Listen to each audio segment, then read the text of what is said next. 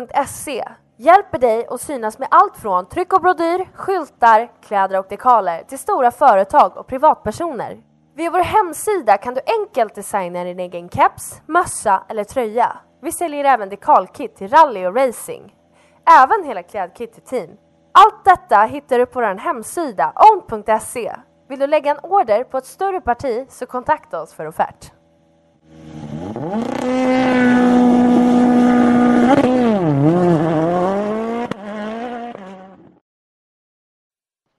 Rallypodden presenteras i samarbete med Top Cat Fishing Guide Fiskeguiden för dig som gillar motorsport helt enkelt.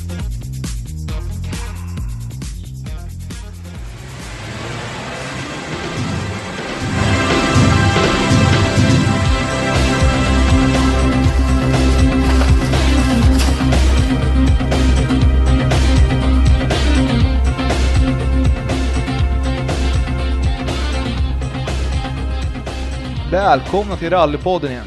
Nu är vi tillbaka ännu en gång och idag så har vi en riktig rallyprofil med oss skulle jag säga på alla plan.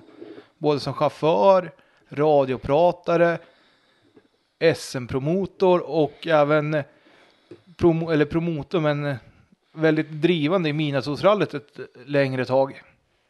Och det handlar såklart om våra nya rallykoordinator inom Svenska Bilsportförbundet. Lars Jonsson, välkommen! Tack så mycket och vilken presentation och framförallt stor applåd för att få presenteras som förare för det trodde jag alla hade glömt bort att jag en gång har kört bil faktiskt. Ja, nej, men vi har ju sökt långt bak i arkiven här. Ja, det förstår jag. Långt, långt bak. Så ja, det är ju kul att jag får sitta på den här sidan micken, för annars brukar du vara den som intervjuar folk. Ja, det har ju blivit några gånger. Jag tror vi gjorde den första rallyradiosändningen 1992, några år där innan du föddes. Nej, jag är född 91. Okej, okay, ja precis. Någon månad efteråt, men du var inte med och lyssnade i alla fall. Ehm, och sen eh, blev det en lång radda år med rallyradio och fortfarande någon inhopp då och då, vilket är en fantastiskt trevligt och det är en fantastiskt trevlig produkt, rallyradio. Mm. Ja, alltså jag kan ju bara hålla med. Så det är ju en väldigt stort lyft för svensk rallysport i rallyradio överhuvudtaget tycker jag. Både i mindre tävlingar och ända upp till VM-nivån så är ju rallyradion en extra krydda på tävlingen.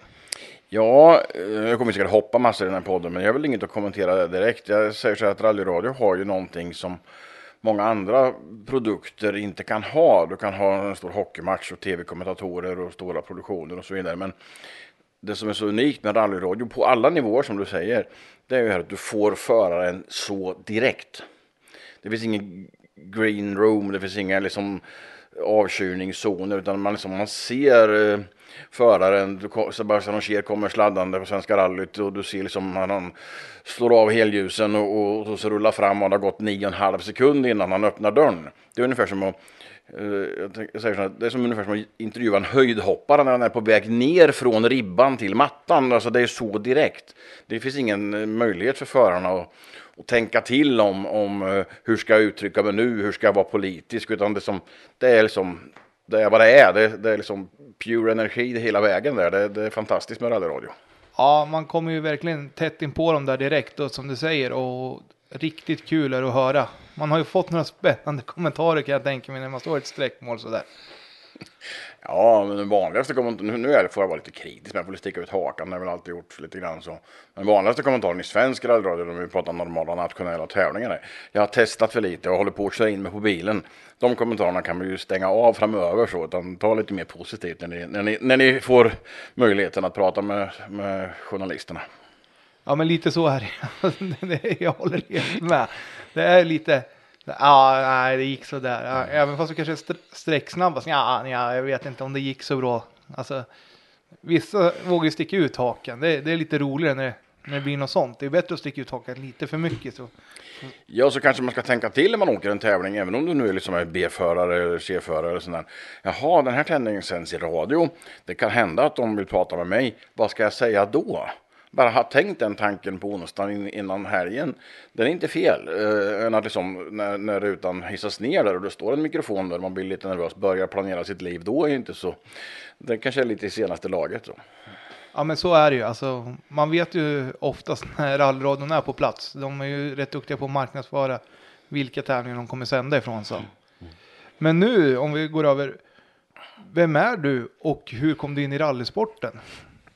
Jag har faktiskt presenterat det. Jag har ju fått den här nya tjänsten som sportgrenskoordinator för rally och då har jag träffat lite folk och varit på någon, någon um, anställningsintervju också givetvis och så vidare. Och det jag faktiskt har framfört då flera gånger är att jag kommer från en bakgrund utan motorsport.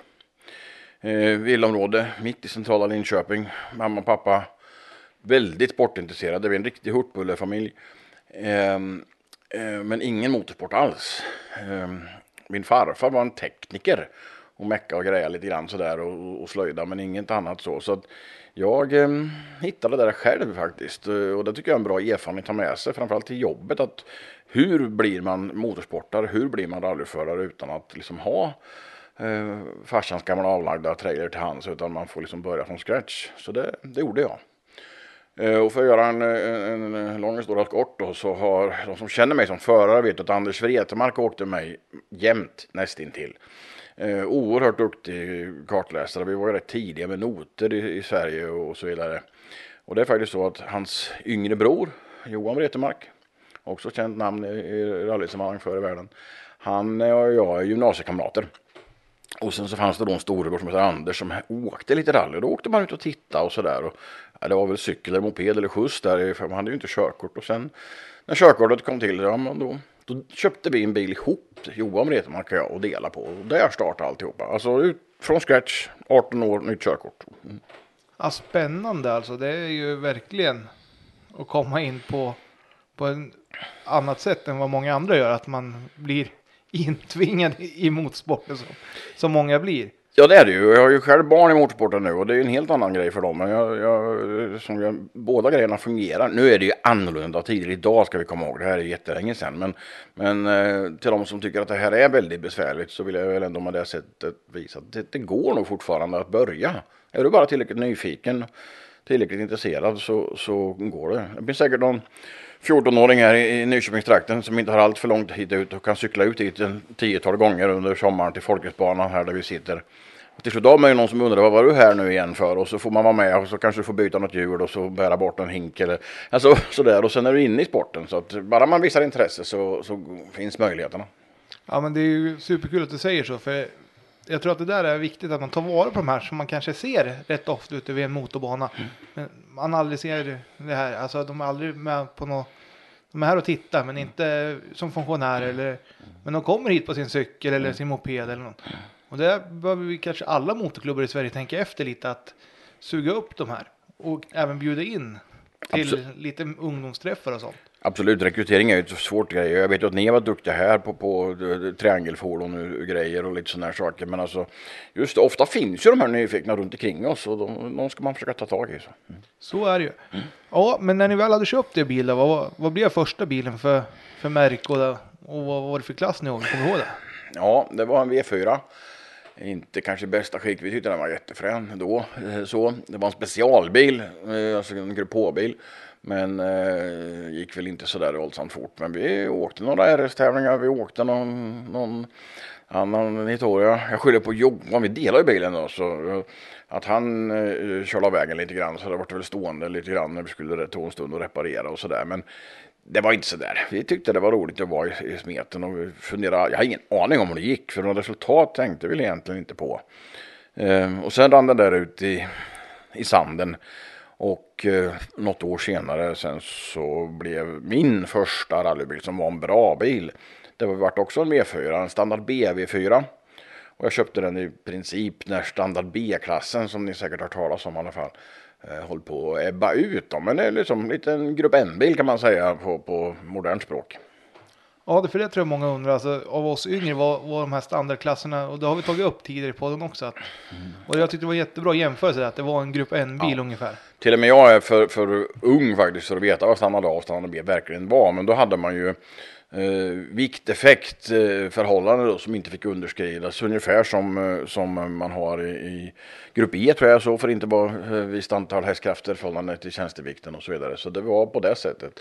Och sen ganska enkla trimningsgrejer. Visserligen man fick ha diffbroms och någon tätstegad låda och sådär. Men det var ju inga motorraketer var det ju inte utan det, man fick gasa istället. Mm. Ja det, det är kul när det är så.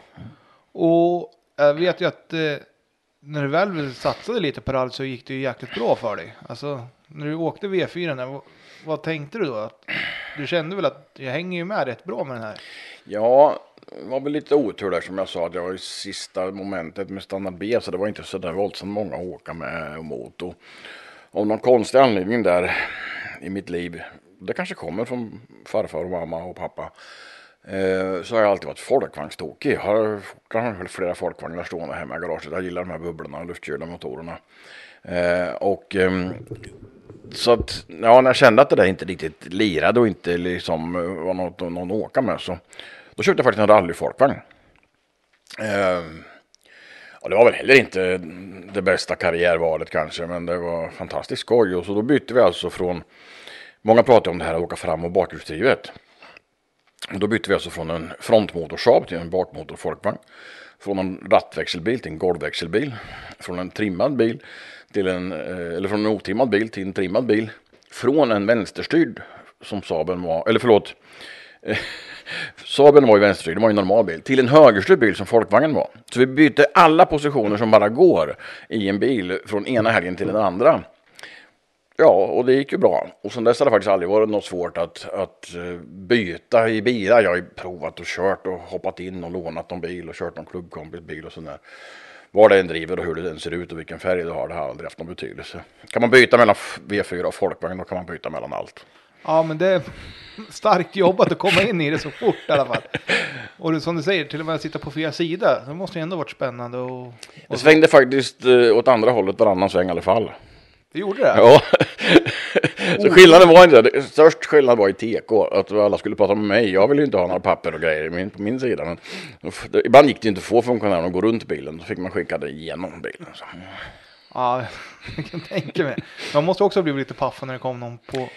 Hemma i Östergötland och så vart man väl lite smått känd eller sådär. Att nu kommer den där gula postsponsrade var vi också, Folkvagnen. Eh, så att eh, de hade nog listat ut att de var högerstyrd. Ja, spännande. Alltså sådana här historier är lite roligt ändå. Vet du det när du hade åkt den där folkvagnen ett tag? Vad vad var nästa steg i? Ja, då, då ville jag åka riktigt fort. Då kände jag väl ändå att det här var, var skoj. Och då hade ju Anders eh, Retemark sen, redan sedan folkvagnstiden klivit in i högerstolen. Vänsterstolen till att börja med då. Ehm, men sen eh, skaffade vi en kadett GT. Det var liksom uh, the thing på den tiden då. Ni har kanske sett dem i Appendix K-sammanhang idag. Ofta vita och gula. Vi hade en mintgrön så. Faktiskt köpte den av Jari Saarinen. Vi är ju nästan till då grannar hemma i, i trakterna så. Ehm, och eh, nej, men då gick det ju fort, då var man avförare väldigt snabbt. Det gick fort överhuvudtaget att bli avförare så, men, men det var med kadett GT igen där. Ehm, jag är en teknisk kille. Pysslar mycket själv, jag renoverar motorer och plockar ihop och grejer och sådär. Och på något sätt så, alltså, det, det blev nästan så att det vart jobbigt att köra grejerna. Jag tyckte nästan synd om ventilfjädrarna och synkringarna i växellådan som jag nyss hade varit kompis med och pillat med. Liksom, så där. Så att jag var lite hämmad så. Och, eh, nej, det slutade faktiskt med att någonstans där runt 1988 är vi framme vid. Jag tyckte inte det där riktigt var, var skoj. Så att jag sålde bilen på höstkanten. Christer Nystrand köpte den. Okej, ja. Mm. Mm. Eh, Till Sörmland i alla fall. Ja, Så. precis. KAU 495. Mm. Eh, I alla fall, nej, det, det, nej, då var liksom, tänkte jag, det här var när jag har kört rally några år och det var väl inte, det vart inte bättre än så här. Men eh, så tyckte det inte runt omkring eh, så. Och det här var ju då när de moderna bilarna började rulla in i, i rally-Sverige. Och Suzuki började med Suzuki Cup, en av de mest framgångsrika cuparna som fanns. Och ni som känner till Suzuki Cup idag vet att det är ett gäng hobbyåkare på 5-10 stycken. Men det var ju alltså en satsning från importören med pengar och, och, och grejer och reklam och hela faderulingen så. Ehm, och då var, blev det så att vi ehm, fick bli vid en smälld ny bil. Man har gått 30 eller 300 mil, det kommer jag inte ihåg idag. Om vi byggde rallybil av den. Ehm, och då gjorde vi det. Ehm, och hux flux så var det liksom inte min bil. Ehm, jag var inte kompis med ventilfjädrarna längre. Eh, eh, och då var det mycket lättare att köra. Ehm, då kunde jag liksom bara fokusera på körningen och släppa själva, själva bilen på något sätt. Och, och eh, ja, då, då lossnade resultaten också. Och i den vevan så på skolengelska och med, med brev, det är ju långt före mobiltelefonerna och, och internets värld, så eh, lyckades vi komma i kontakt med RAC i England. Så vi åkte alltså dit och åkte VM 1990. Liksom, jag fattar inte än idag hur vi lyckas med det. Eh, eh, ett par stycken, eller ja, vi var väl ett gäng 25-åringar då. Som hittade på det där och tog oss dit med färja och grejer och så åkte vi VM och det var ju Ja, det gick, gick det fort innan så gick det väldigt fort när vi kom hem för då, en sån tävling gör ju mycket för, för farten så. Ja, det kan jag tänka mig. Och riktigt kul att ni blev ett gäng som åkte över. Kommer du ihåg vilken nivå som drog över dit? Ja, det gör jag. Ehm, det var jag och Anders som åkte tävlingsbil då.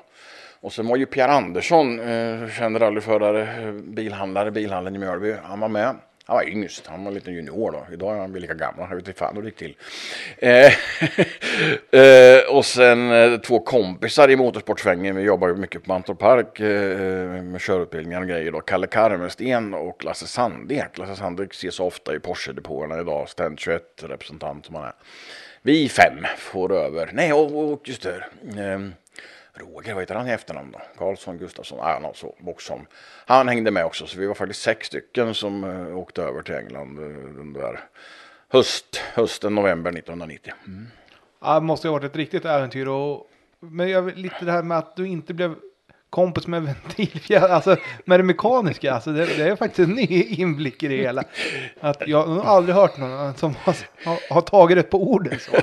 Nej, men alltså, eh, jag kan inte förklara på något annat sätt, men, men jag hade liksom svårt att att, att och liksom pressa den där open så. Jag tyckte om den på något sätt. Nej, men det, det Eh, Det gick ju bra. Eh, Jag var ju där och, och nosade i de absolut snabbaste. Och, eh, Anders Kulling var ju förbundskapten för juniorlandslaget på den tiden. Vi jobbade väl lite grann ihop och jag var väl under hans lupp lite grann och sådär. Han gnällde på att jag åkte för sakta eh, någon gång och så åkte vi någon junior-SM-tävling i Köping tror jag. Eh, Jag är kass på att komma ihåg tävlingar och datum och så. Anders låt mig, han kan allt det där. Men i alla fall, eh, eh då kommer jag ihåg att han stod med en en halvstor bultsax eh, när vi kom i mål på sträckan. Och så vevade jag ner rutan. Vad, fan ska du den där till? sa jag till Anders. Jag, skulle, jag tänkte om du åkte som vanligt så jävla fegt skulle jag klippa bromsledningarna för dig, sa han. han, var inte, han var jätteduktig på mycket, men han var inte världens bästa pedagog. Men alltså, det var hans sätt att, att liksom, nu får du inte bra. Men då hade jag gjort bra ifrån mig, så då klippte han inte bromsledningarna. Så vi Ja, skulle, det, tänk om det skulle vara så nu. Det hade varit lite coolt när man kommer i mål. Står, teamchef. Nej, det här gick inte tillräckligt fort. ja, nej då, så det var en annan rolig anekdot. Mm. Ja. Nej, men alltså det lossnade ju där när du köpte Suzuken. Ja, Och- då, då gick det bra. Eh, vi ledde ju faktiskt England, eh, alltså, det var ju fyra dagar. Alltså det är sjukt. Det är som två säsonger i Sverige en sån där tävling på den tiden. Nu är de ju lite kortare. Jag tror vi åkte över 50 mil specialsträckor. I en liten Suzuki. Japp, skittråkigt emellanåt. Eh, men på den tiden fick man ju också byta plats i bilen. Och det lärde sig Anders Etemark väldigt snart att Lasse gillar inte köra transporterna. Så det var långa transporter, då bara stannade jag så satt jag med högerstolen och sov. Och så fick han både hitta och köra själv. Mm. Eh, Riktig proffsskap. nu tar du hand om det här så vi kommer till sträckan. Så ska jag väl vila upp här och ladda. Ja, lite så. Men i alla fall, eh, vi blev bara trea. Eh, för att eh, på sista dagen så tappade motorn massa effekt. Det visade sig när vi kom hem att kamdrevet på vevaxeln hade lossnat i, i kilen. Hade, så, så att allt såg ju rätt ut utifrån om man tittar tändning och så. Men det, i verkligheten stämde det inte. Så att han gjorde bara 100 på motorvägen. Så, eh, men vi kom i mål. Eh, skoj. Det är en bedrift. Är- Åka 50 mil på vad, fyra, fem dagar. Fyra, fem. Fyra dagar tror jag det var. Mm. Nej, Ja, det- jag kommer inte ihåg det, alltså, det är sjukt många sträckor. Och det var ju då också, jag kan ju, berätta, jag kan ju ta flera dagar det här. För, när bör du jobba imorgon? Nej men, eh, det var ju de vevan man hade förbjudit sträckorna att vara mer än fyra mil eller tre mil eller någonting sånt där efter de här grupp B-olyckorna och så vidare. Så, Ja, så minskar man maxlängden, det var Fia som bestämde. Och då uppe i Kilderskogarna där så var ju sträckorna normalt ungefär som björn, det är som björnägaren i Sverige. De var som man har hört talas om åtta mil och så vidare. Där då var de väl sju så. Så då för att lösa problemet så körde man liksom tre och en halv mil och så gick du mål i början på en lång raka. Och sen såg du ju som startbilen i slutet på samma raka. Eh, så du liksom hade 180 meter transport då och sen fick du köra till en halv mil igen för att det skulle bli liksom inte för långa sträckor då. Och då bytte ni inte, eller hur? Nej, då bytte vi inte. Då körde jag de där 180 meterna, det, det klarade jag. Ja, det var ju bra det i alla fall. Så. Ja, men det måste också ha varit en upplevelse alltså, att kunna ladda, gå i mål och sen du måste nästan ha haft tävlingsmode redan när du skulle in i TK på, Ja, absolut. på rakan efter där. Så. Men någon, jag tänkte, det lär ju ha hänt lite under de där dagarna som inte många har fått uppleva här i Ja, Sverige. ja, nej, oh, gud. Man får ju inte... Jag kan göra en hel podd om bara den där helgen eller den där veckan. Eh, man, man servar ju på väg på den tiden, så även i Sverige. Eh, man gör sig fortfarande då och då att det inte är centrala serviceplatser. Men, de är, men i England fick man ju bara vara på privat mark. Du fick inte som hitta Ica Maxi-parkeringen och ställa det där. De var tvungna att, och, så, och det var ju världens jobb för de här mekarna som var mer tokiga än galna tänkte jag säga. Och hitta de där platserna och så. Så vi, vi var ju, vi, nu pratar ju en 25-åring vettig engelska. Det gjorde man inte på den tiden. Ju lite, man har ju haft lite mer fördelar i, i sitt liv nu med internet och Ja, allting. Så. allt sådär. va. Så, att, eh, så det var många anekdoter kring hur vi hittade det. Jag kommer ihåg i alla fall sista dagen vi var någonstans uppe i Skottland.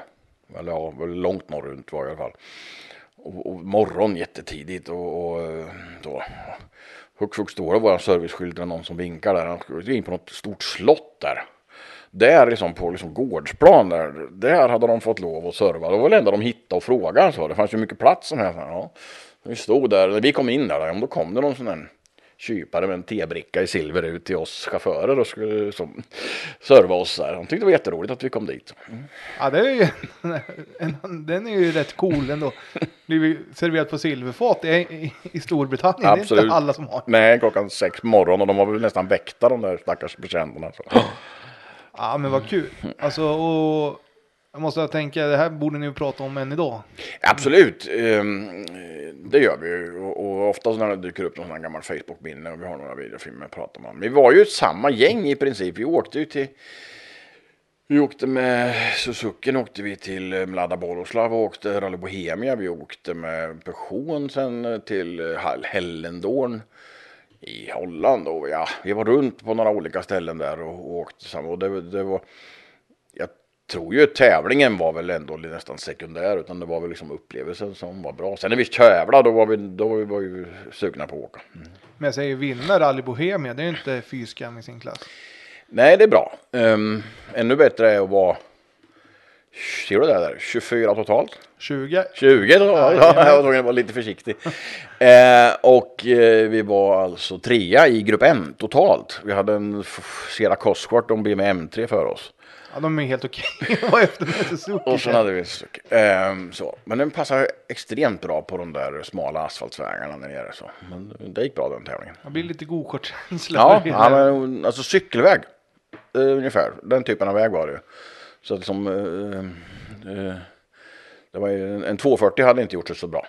Nej, de är lite för stora, eller hur? Ja.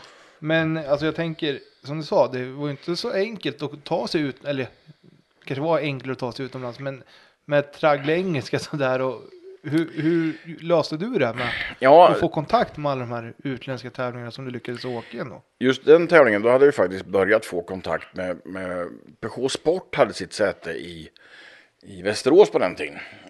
Eh, Jocke och med flera åkte ju som eh, importörsstödd Peugeot då. Och där kom jag ju i kontakt med Håkan Tonér som är, alltså var PR-ansvarig där uppe eller vad de hade för titel så. Och de hade väl tyckt att jag körde lite halvvettigt så att de, de ville liksom. Så just där var vi faktiskt nästan gästförare i, i deras eh, setup. Så det var inte så krångligt. Nej men det var inte så svårt. Man, man, eh, jag har faktiskt sparat massa dokument hemma. Man skrev ett brev eller ringde på knaggläng. Ja men den måste jag ju berätta förresten tillbaka till RAC. För då för, förstår du ungefär hur det där med, med engelska är. Ehm, vi skulle beställa däck till England till Ja. Vi är tillbaka till 1990.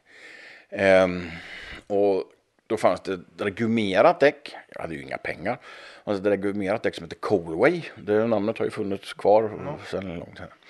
Och ehm, ägaren där hette ju, eller de heter hoppas jag, eh, Fred Henderson. Och jag ringde det där numret alltså. Det skulle jag inte våga göra idag, men då ringde jag det numret. Och sen så, hej jag heter Lars Jonsson, jag är från Sverige, jag ska åka här och se rallyt, jag behöver köpa däck. Ja, men då ska du prata med Fred och han är inte inne just nu. Jaha, mm. Så ringde jag igen en dag senare. Ungefär samma svar. Och så kanske vid tredje, tredje tillfället då så svarar samma sekreterare. Och sen, ja tyvärr är han inte inne men han har, han har undrat eh, vad det är du behöver. Ehm, och så fixar han det. Jaha tänkte jag. Så jag berättade jag vill ha 14 däck. Var så, vad jag bara kunde ta i med. Liksom. Jag hade räknat på det där, sett åt pris någonstans. Och det ska räcka till de där alla milen. Vilket det gjorde också. Jaha, och sen när vi kom till England med bara massa fälgar och så gick vi bort där och så skulle vi montera de där däcken. Så, ja, det var, de monterade mot oss och ingenting. Men hur ska vi göra med det här då? Hur? Nej, nej, men det, det löser vi sen med betalning och så.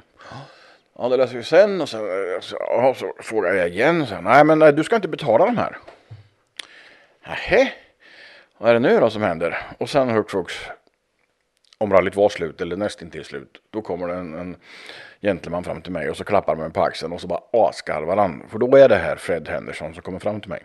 Okej. Okay. För att när jag har ringt till henne och sagt att jag heter Lars Jonsson så har hon kommit ihåg Jonsson från Sverige vill komma och åka RAC-rallyt och han vill ha däck. Han vill ha så här många däck. Hur ska jag göra med det? Och vem heter Jonsson från Sverige 1990? Mats. Mats Jonsson ja. så Fred trodde ju att det var Mats Jonsson som ringde. Och så han sa, ja men ge en man behöver. Uh, och sen när han hade insett att han hade liksom gett det till fel Jonsson så, så var han bara skitglad och, och, och, och jätteklapp på axeln och, och grejer sådär. Så att, uh, Men du gjorde, kan ju inte ha gjort honom så besviken. Nej, nej, nej, vi åkte fort med dem som sagt var. Så att det var väl, väl också positivt då. Men just att det hette Jonsson så fick jag faktiskt fria däck till den där tävlingen. För att det visste jag inte om innan. Får du tacka Mats för det? Absolut, jag berättade för Mats flera gånger tror jag. Och, en rolig historia. Ja, sånt där det är kul att höra. Alltså. Mm. Faktiskt. Ja, men när man fortsatte, du åkte ju Suzuki i tre, fyra år där. Fråga mig inte hur länge, men jag fick i alla fall kontakt med Peugeot. Så att eh, eh, det blev ju Peugeot i några år. Det var väl egentligen de mest framgångsrika eh, åren där. En helt från ny Peugeot 205 rally. Eh, man ville in i det som var rätt stort då i grupp 1 med den där. Och så, jag kan inte säga att man var fabrikschaufför, men, men det var mycket stöd i alla fall i den här. Så bilen hade liksom kommit med färja till Göteborg och sen hade den kört på väg upp till Sala. 44 mil vill jag påstå mätaren stod på. Vägsträckan däremellan och sen hade det byggts om till rallybil där uppe då med det här gänget och Harry-Jocke som testpilot och så vidare. Den bilen eh, tog vi oss an då. Så. Och hade då gjort bra resultat i Suzuki och så skulle vi prova här och det, det var ju en bil med åtta ventiler och förgasare och sådär så att det var ju lite annorlunda men förhoppningen för oss alla var ju att vi, vi vinner med den här. Ja, spännande och få ett sånt, sånt erbjudande och få åka som nästan fabriksförare hemma i Sverige. Alltså man sitter här på Folketsbanan, tänk en bil som luktar nytt när du öppnar dörren och där skruvarna som bara ramlar ut när du vill att de ska lossna och allt är blankt och, och fint. Det, det, är en fantastisk känsla, den är, den är nog svår. Mm. Ja, det kan jag tänka mig. Det var ju tur att inte du skruvade så mycket själv för då hade du säkert... det har blivit kompis med någon skruv där. Ja. ja. Mm. Nej men alltså och det är kul att höra att det, det fanns sådana här team i Sverige som kunde lösa det här på den tiden också. Ja, um, och nu jobbar jag ju med det här och, och, skulle på många sätt vilja vrida tillbaka klockan till de möjligheterna, inte till hur det var. Ehm, för om vi backar tillbaka till Suzuki Cup, eller jag kommer ju tillbaka till Suzuki sen senare, så det var så pass mycket prispengar. Jag tror alltså att det var 5 000, kan ha varit 7 000 som första pris i en vanlig kupptävling. Och då ska vi komma ihåg att det är lite annat penningvärde också. Eh, men säg att det var, jag tror det var, låt säga att det var 5 då i första, 3,5 i andra och 2 i tredje pris. Eh, och Anders och jag har varit duktiga på mycket men vi har inte varit så duktiga på att hitta sponsorer. Vi kommer inte från familjer där det fanns den möjligheten utan vi har fått som, göra jobbet själva. Så vi räknar helt enkelt ut att om vi är etta eller tvåa så räcker det här till två nya hjul fram och så sätter vi de andra bak och så säljer vi de andra eh, och så lite bensin och lite bromsklossar någon gång däremellan och så kraschar vi inte för mycket så, så, så blir det bra. Så att vi körde ju, vi drev ju alltså våra rallysatsning på prispengarna. Ja, det är inte många som har gjort kan jag tänka. Nej, och det går ju inte idag. Det, det är det som är Eh, att vi gjorde det, det var väl inte själva framgången jag tänkte på, just att den möjligheten fanns i Sverige och det är inte så våldsamt länge sedan faktiskt. Mm. Nej, det är ju inte det. Och, det men det har blivit så mycket annat som har, har kommit upp och det finns inte de här möjligheterna på samma sätt alltså. Nej, och om vi hoppar till nutid då så är det ju så att, att uh, det jag har jobbat med under många år professionellt och, och försökt det är ju som att hålla kvar eller till och med återetablera bilsporten då så att det är så viktigt för en, ett, en, ett bilmärke i Sverige att synas där och det har vi ju inte lyckats med. Inte jag och ingen annan heller och inte som grupp eller något utan i, idag är det ju oftare intressant att synas på en eh, segelbåt eller en hästpolomatch eller någonting annat så här.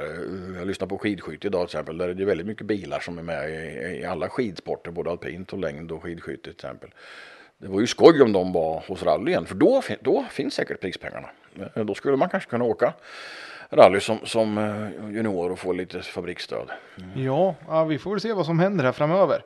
Men mm. jag tänker din satsning här när du väl tog över person. Var det att åka SM då eller? Ja, var det det som var utsatta målet eller ja. var det att åka ja, det var utomlands? SM, SM med, med krydda utomlands. Um, vi var bra i SM. Uh, eh, men vi hade aldrig riktigt ekonomi att åka tillräckligt mycket tävling. Utan vi fick egentligen åka de här sex SM-tävlingarna och något mer. Och då, då fick man eh, jobba för att, att eh, så. Men ju längre tävlingarna det var, typ Sydsvenska rallyt var ju en favorit länge. Eh, det gick ju alltid väldigt bra. Um, sen var det ju så kanske, eh, det är ganska lätt att konstatera med facit i hand att Peugeot var inte bättre bil än Suzuki. Den var för långsam helt enkelt. Det är en väldigt stark bil. Ehm, men det hjälpte ju inte, man kunde inte utnyttja den där riktigt. Utan det blev ingen succé med de här Peugeoterna. Ehm, det vart ett par stycken som på vägarna men de försvann rätt snart medan Suzuki fortfarande går. så. En eh, Peugeot 205 rally med en Suzuki-motor i. Då hade det varit en raket kan jag säga, men, men det var det inte. Så att eh, vi åkte där SM och gjorde jättebra ifrån oss. Jag tror vi var tvåa i SM-tabellen 92, 93 eller 93, 4 eller någonting sånt där. Men så var vi utomlands och åkte också då och, och både jag och eh, bilen passade nog väldigt bra på asfalt. Så där gick det ju ändå bättre faktiskt. Mm. Ja, men har du någon SM-medalj från Peugeot-tiden eller? Nej, alltså jag har ju Nej, jag har ingen medalj. Mm. Mm. Um, men däremot har jag andra plats. Men på den tiden var det precis som det kanske, ja, en variant av att köra SM att eh, man slog ihop klasser och så vidare. Så att eh, även om man var tvåa i, i SM-tabellen så fick man ingen medalj för det fick någon annan. Så det var ju väldigt få medaljer på den tiden. Så. Mm. Ja, det var, det var lite, det är som det kanske var på sprintarna i år då, att man slog ihop flera Ungefär olika, så, ungefär så. Mm. Då, kanske det, då är det svårt att hålla koll också. Mm. Ja, så kanske man, eh, jag tror så, alltså vi hade inget att välja på ekonomiskt, men, men de kanske skulle då valt något annat för att hamna bättre i, i de här systemen. Eh, så. Men eh, man krigar ju alltid sin klass när man åkte så att säga, så det, det led vi inte av. Så. Nej, och sen så vad gjorde du efter det här? Peugeot-tiden, du åkte lite utomlands. Någon tävling där i person som du kommer ihåg extra mycket? Jag tänker, du hade ju ändå rätt upp, bra uppbackning här från Sverige. Ja, men det, det var ju alla SM-tävlingarna egentligen. Um, så. Eh, Sydsvenska rallyt var ju favoriten hemma. För ju längre tävlingen var desto mindre hade väl bilen betydelse och desto duktigare var vi. Vi var duktiga på vi kanske inte hade listat ut att vi gjorde det, men vi var duktiga på att förbereda oss på att fokusera. På, och vi var duktiga på noterna. Ehm, vi övade en jävla massa noter eh, hemma, precis som man kan göra idag. Väldigt enkelt sätt att bli bättre. Eh, då skrev man ju inte noter, men vi, vi övade ändå och skrev egna och läste och fram och tillbaka tänkte jag säga. Ehm, så ju, ju svårare det var desto bättre vart det nästan. Ehm, men Hellendorn i, i Holland, då åkte jag också äckligt fort med den där lilla Peugeoten. Jag kommer inte ihåg, men jag var ju långt före de som åkte stora Grupp S och större Grupp N-bilar. Ehm, eh, och med facit i hand så kan man väl se att som förare så var nog min styrka och så känslan, spåret, linjen, blicken, flytet. Den, den grejen var nog. Och det är väl lite osvenskt. Jag hade kanske, bet, hade kanske gjort en bättre karriär om jag hade blivit banåkare. Så. Men, men, men eh, det gick ju bra i rally också. Ja, absolut. Det gör det. Det är ju inte alla som har fått den möjligheten som du har och fått åka med, med så, alltså uppbackning kanske inte var, men, men Sådana möjligheter, nej absolut. sådana möjligheter. Så, eh, när, tack, alltså när var det här tack och hej från Peugeot eller Ja. vad var det som hände där? Ja, Peugeot um, sa att tyvärr finns inte pengarna längre och då slutade ju hela den verksamheten och det var ju då hade Jocke börjat åka folkvagn istället och så vidare. Så vi köpte bilen privat. Det är ju väldigt bra villkor. Körde den året ut eller något sånt där men nej. Sålde den sen, eh, den hamnade i Värmland och borde man komma ihåg namnet men jag har inte men den var i alla fall svensk mästare i rallycross, samma bil. Och så köpte vi den andra Suzukin. Eh, som lite hobbybil. Men det här är ju liksom i vevan när jag blir förälder. Eh, och det brukar alltid sätta käppar i hjulen lite grann. Det gjorde det inte här men, men eh, i alla fall kanske något annat fokus då. Så då åkte vi, vi är nog framme vid 1996 tror jag. Ehm, då åkte vi SM Okej, åkte bra. Um, men hade liksom inte pengar till något annat mer än just det. Ehm, och jag kommer ihåg att hem från någon deltävling eller så, då kände jag det idag har jag Idag har jag fått, fått ta i så mycket, jag har fått minska mina marginaler så oerhört mycket så att nu börjar det här bli obekvämt. Och då tyckte jag, nej, nej då slutar det här. Så då, då ringde man till Idrottsbladet. Det var liksom föregångaren till internet. jag säga. Det var en tidning.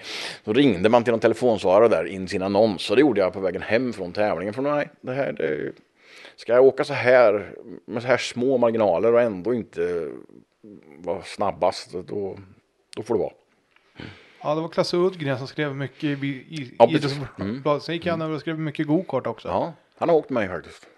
Han har det? Ja då. Ja, du ser. Mm. Ja, nej men alltså. Vissa epoker tar ju slut och som sagt när man känner själv att det här, nu är min gräns nådd till vad jag orkar med. Ja men alltså lite grann så. Och för att göra det här någorlunda rimligt i tid så, så försvann den där Suzukin också. Men, men suget fanns ju där och, och folk började prata. Så det flyttade faktiskt in en tredje Suzuki i livet sen senare. Som jag åkte väl kanske, nu är vi framme vid 2007, 8, 9, 10 någonting sånt där. En grön, skitful bil. Ja, fin bil men ful färg.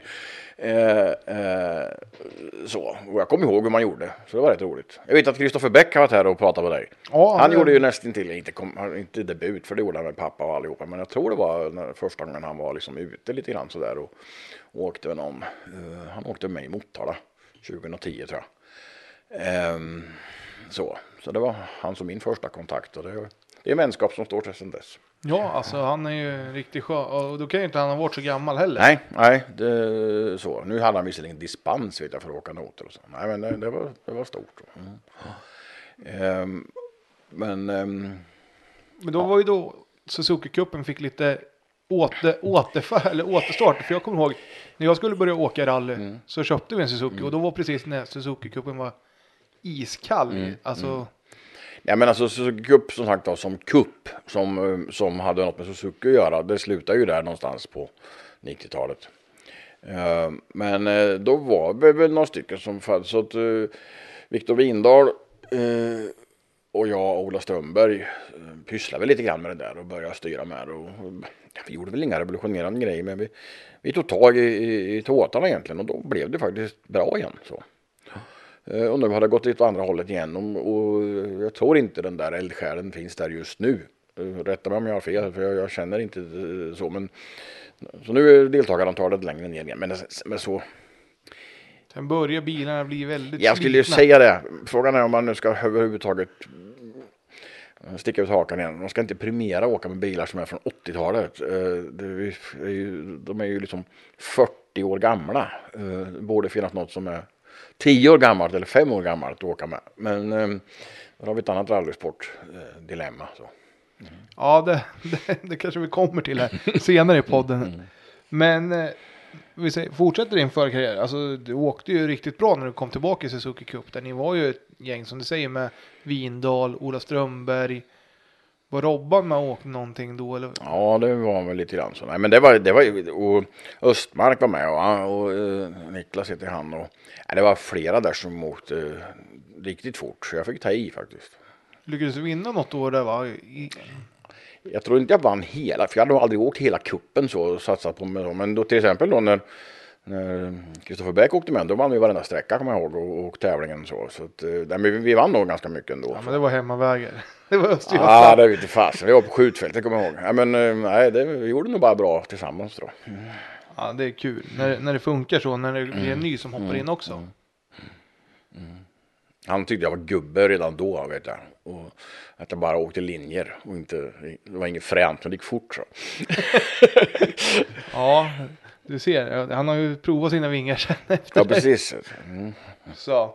Eh, nej, men sen bytte du, åkte Tommy med Andersson någonting. Ja just det. Några så, det, eh, Tommy Lärka hemifrån Skänninge och sådär. För att eh, Anders åkte inte med på slutet. Så han fick bekymmer med ryggen. En rallyskada tror vi. Utan eh, på slutet var det lite olika kartläsare och sådär. Så Tommy var en av dem som hoppade in ett par gånger. Och, Ida Lidberg Granberg åkte med ett par gånger. Eh, ja, så. Men det, Stefan det, Olsson. Ja, just det. Ja, ja rallyskottet Stefan Olsson. Han, åkte med i Askersund. Jag vet att det var svårt att få honom att åka med och jag, det tog ett tag innan jag fattade varför han inte kunde tacka ja för han var ju ledig och inget var Men han trodde det var farligt att åka Suzuki Cup. För det var väl så lite kända att här, här, här tar de i pojkarna. Så. Ja, men så var det ju. Alltså, ni, ni var ju lite halvgalna allihopa där i toppen. Jag tycker inte det. Men, så. Nej, det var ju, det gick ju linje. Det gick ju lugnt och städat, eller hur? Ja, ja. Alltså. Nej, och i, eh, däremellan har jag faktiskt, eh, för när jag 96 då, när jag liksom la av, det, är när någon frågar när jag slutar åka så säger jag 96, för det var då liksom SM, eh, nej det här det går för fort, jag kan inte vara här längre. Eh, sen tog det några år när jag ville åka överhuvudtaget. Jag har nog kört rally egentligen varje år, för någon har alltid velat att jag ska låna någon bil eller köra någon klubbtävling eller eh, i någon lagtävling eller sådär. Så jag har kört allt möjligt konstigt på vägen då, men då åkte jag ju några år historisk racing på bana. Okej. Mm. Hur var det då? Det är också fränt. Jag har ju vunnit den här Racerhistosa kuppen eh, en eller två gånger. Ja, det har du ju. Den har du lyckats och, vinna. och. Formel B, folkvagn då givetvis, så, som är stort. Och åkt eh, Formel Ford har jag gjort och sådär. Så att, det var lite bilåka däremellan också. Men då har du åkt rätt mycket i bilen. Alltså, Ja. även fast det inte var rally så har du åkt annat om man säger. Ja, så. Nej, jag, jag hade någon bockare passera och jag, jag skjutsade massa folk. Och, nej, men det var mycket roliga bilar. Mm. Ja, vi kommer ju till våra frågor där i slutet så ska du få berätta vad som har varit det bästa sen. Okej, Ja, vi. det var en cliffhanger för jag funderar på den nu. Ja, exakt. Vet du det, när vi rundar av din förarkarriär här då. Mm. Jag säger ju att du slutar då när du sålde din sista Suzuki. Då är det ju 2012 va? Kanske det. Det vet du nog bättre än jag. Mm. Så. Men innan du köpte Suzuki så var det ju så att du tog över promotorskapet i rally-SM. Ja, just det. Men då tävlade jag inget Nej. under de åren. Mm. Och det var väl 2004, 2005? Fem. 2005. Mm. Hur kom du in på den banan? Eller hade du någonting innan i rallyt där du Nej. hade lagt av 96 fram till Ja, på den här alltså rallyradio. rallyradio? Ja, jämt. Varenda SM-tävling och hela så. Och jag har gjort Svenska rallyt varje år sedan 92. Ja, Ehm, men då tar vi, alltså jag tänker vi går Ja. tillbaka till lite det här radiopratandet. För du, jag tänker du lär ju ha många anekdoter ifrån Svenska rallyt framför allt om vi tar där. 92 till, du har väl gjort nästan alla år? jag har gjort alla år. Alla år har jag gjort. Först då i eh, Radio City, alltså konkurrerande, för då sände alltså eh, Sveriges Radio.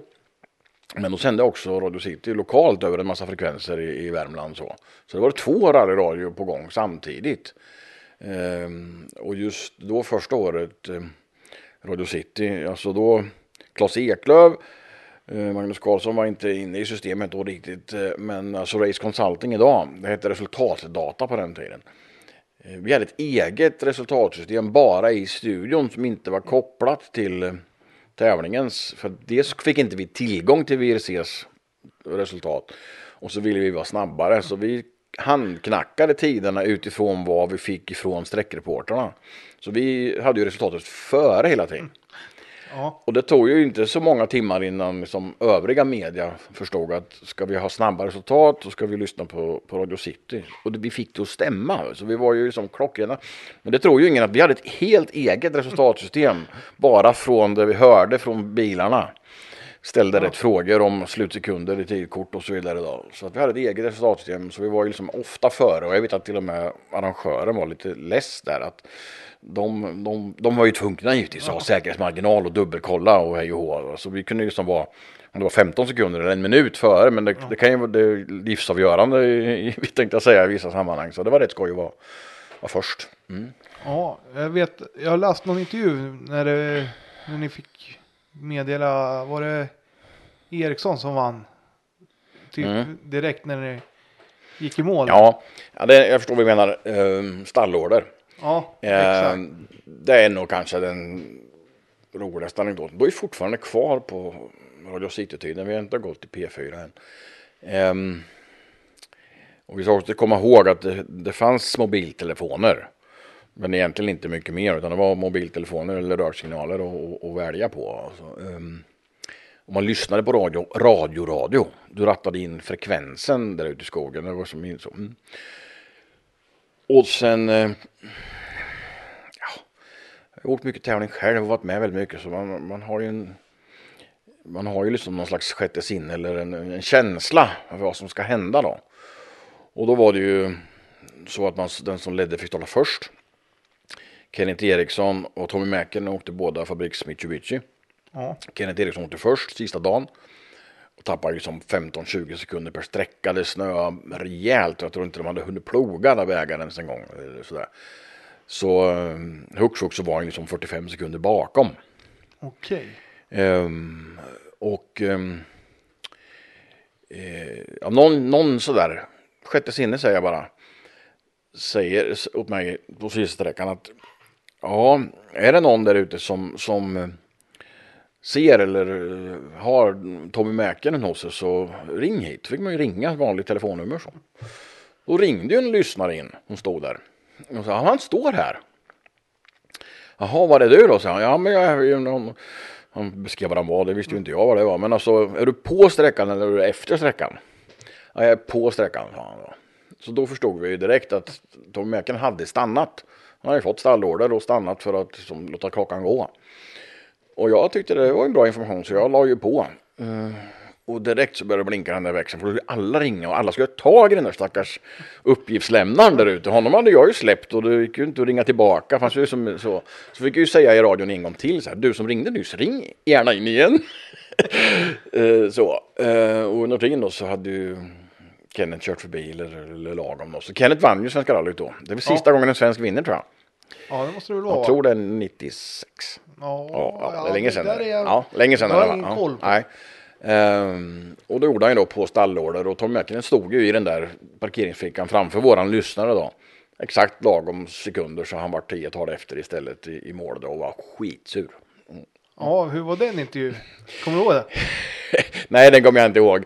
Men jag kommer ihåg just den där grejen. Att få göra en sån där grej live. Alltså, nu är det väldigt många som lyssnar på rallyradio idag. Men det var ju ännu fler på den tiden för det fanns inga alternativ. Man kunde inte hålla koll på resultaten själv eller så. här. Du var ju tvungen att ratta in den där frekvensen. För Ja, att, men exakt. Ähm, Eh, så det var ju väldigt stor händelse så. Så du frågar efter anekdoter och det är nog den största.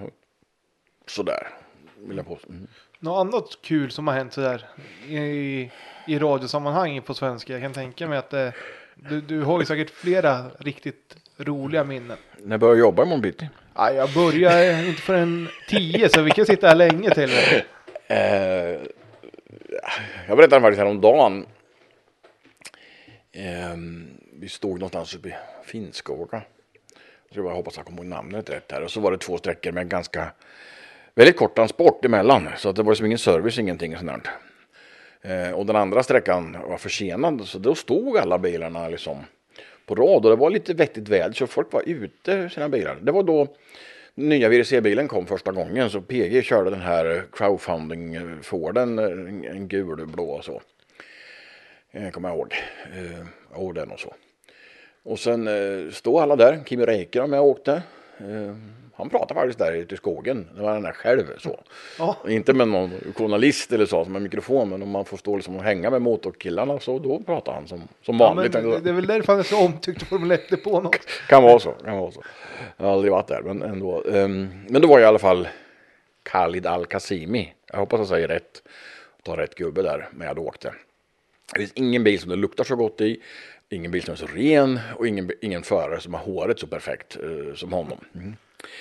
Eh, och jag vet inte var jag fick den frågan ifrån. Jag är dum i huvudet där. som så, men i alla fall då. då ja, jag har förstått att du, eh, du, du hänger ju där i, i, liksom i, i kungahuset eller i, i maktens korridorer så hemma då.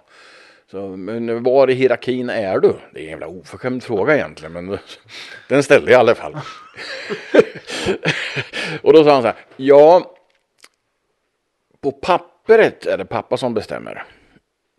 Så- Och sen svarade han inte, sa han inte mer. Så. så då förstod jag att han hade ju inga bekymmer med budgeten. Nej, det kan jag tänka mig. Så.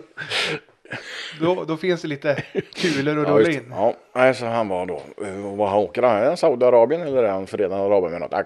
Ja, det- släpper vi, men i alla fall. Han var liksom, ja pappa är på pappret den som, eh, men, men egentligen är det jag. Mm. Ja, det ser. Vad heter det? Jag tänker om man tar något så här streckmål, alltså någon som har varit riktigt förbannad eller alltså riktigt oförskämd. För det kan jag också tänka mig har hänt någon gång. Ja, men då som reporter, om du är lite med. Eh, alltså det som vi kommer ihåg att i alla år har det ju varit mycket andra journalister samtidigt just på Svenska rallyt. I början försökte vi prata engelska med allihopa på våran knaggliga engelska. Men vi insåg rätt snart att de andra ställer ju samma frågor. Och de gör det ju mycket bättre. Så vi har ofta bara lyssnat med. Och det är en ganska bra samarbete där. Vi känner ju varandra efter, efter de här åren så. Och, och vi är alltid först på svenskar och norrmän till exempel och sånt och, och sen kommer de efteråt. Det, det, vi, vi pratar ihop oss helt enkelt och vilken ordning vi ska gå in i bilen för det är så det är ju extremt mycket folk på en väldigt liten yta. Jag Och, tänkte säga, och, dörrarna är ju inte så stora. Nej, och snövallar. Så det, det där pratar vi ihop oss. och Man planerar och så kameravinkel och så kommer de och säger till mig men du får inte hålla kameran så långt upp eller mikrofonen så långt upp för då ser inte kameran. Och så. Så det, men i alla fall, det man lär sig då också det är när man hör att föraren inte är i form, då drar du bara bort mikrofonen och så liksom gör någon egen summering eller så. För att, I alla fall jag har alltid varit sån, varför ska vi höra på svordomar, varför ska vi höra på skitsnack, varför ska vi höra på struntprat eh, så. Utan, eh, eh, de har jag nog lyckats helt enkelt ta bort. Så, för det visst har det hänt att någon har varit arg och tokig och galen. Och det vi börjar med. Så att det är ju en fantastisk känsla där. De har ju, de har ju varit i mål i bara sekunder efter att ha gjort eh, en av sina största prestationer eller sämsta prestationer och, och sådär. Så att eh, nej, och framförallt var det väl till exempel, det är något jag kommer ihåg, det, Mats Östberg är inte alltid jättediplomatisk. Han är ganska kritisk i sin bil emellanåt och sådär, vilket är konstigt för det är någon som betalar. Eh, men eh, det är ju som person, och återigen, man kan inte styra sina känslor där. Men sånt tycker inte jag om. Att man är liksom gnäller och, och, och sådär. Så då, de, har, de intervjuerna har jag oftast liksom styrt bort eller om inte annat ner så. Mm. Ja, det, för det har man ju märkt. Alltså, jag, jag tyckte om Mats, men jag tycker hans attityd emot själva bilmärket och bilarna han får åka, som hur många andra helst vill åka. Och han sitter och är så kritisk i vissa intervjuer som man undrar ju ibland. Ja, vi ska inte döma det på något sätt så det finns säkert förklaringar och just personlighet eh, så man är så uppe i det, det är adrenalin och man vill vinna och man har ambitioner och mål och allt det där så. Men, men eh, olika gör det på andra sätt. Jag menar, man kommer in en finne och säger som uh, the Peugeot is fine and the tires are black and round Pirellis och sen pang stänger dörren eller så. Det är samma sak. De vill inte prata för de vill inte uh, säga fel saker helt enkelt. Mm. Nej, det, men det, det är ju lite sådana där saker. Och Mats verkar ju vara en jättehärlig person om man ser på sociala medier. Alltså, ja, alltså, det är inget fel på så, men just det har blivit fel ibland när han har kommit i mål. Det är både du och jag iakttagit. Mm. Ja, men så är det ju. Och det är ju det som är, som du säger, det är den här millisekunden de har att tänka på från, från när de passerar målskylten tills de öppnar dörren så är det ju inte mer än fem sekunder. Så. Nej, men det är en tjusning. Men tänk på det nästa gång ni lyssnar på rallyradion. Även från knäckebrödsprinten. Att liksom, det är så direkt. Så. Och, och har man det med sig när man lyssnar så förstår man ju liksom nyanserna lite bättre kanske. Så är det ju. Men då, alltså tänker jag, om du har något. Du har helt Nu kommer jag på. Eh, om, vi, om vi ska får jag hänga kvar i Svenska rallyt en liten stund till. Absolut. Mm, mm. Vi har ingen brådska. Nej. Numera så vet ni ju att, att um, kartläsare får inte köra uh, tävlingsbilen. Eh, och det där ändrades för fem år sedan kanske. Och det finns en anledning till det, eller en händelse som är det. Och eh, då var jag på Svenska rallyt, jag var i slutmålet på sista sträckan. Det var första året som det var Power Stage, det var tv-sänt. Eh, det var sån här eh, Winners Corner och storbilds-tv och hela faderulingen. Och det var säkert någon energidryck som var där och var sponsor eller någonting sånt där. Och så står jag alltså i direktsändning i radio och så ser jag ju bilden. Och eh, alla reagerar på samma sätt, samma grej, att det här går inget bra. Det är Peter Solberg som kommer med sin Citroën. Ehm, och jag försöker liksom sådär eh, nyansera det här och jag, eh, så radio får du ju ändå berätta vad du ser. Eh, ja, det ser ut som det är något tekniskt fel på bilen här och jag tror det är punktering på höger bak för det ser ut att gå illa i vänstersvängarna. Jag försökte hitta på alla möjliga, för, ja, försökte ändå hitta någon, någon struktur i det hela. För det stämde ju inte riktigt. Sträckan var ju inte mer än 4-4,5 km lång så det var ju som inte någon evighet. Och så mitt i alltihopa där när jag står där och alla, hela, så, när det är sista sträckan.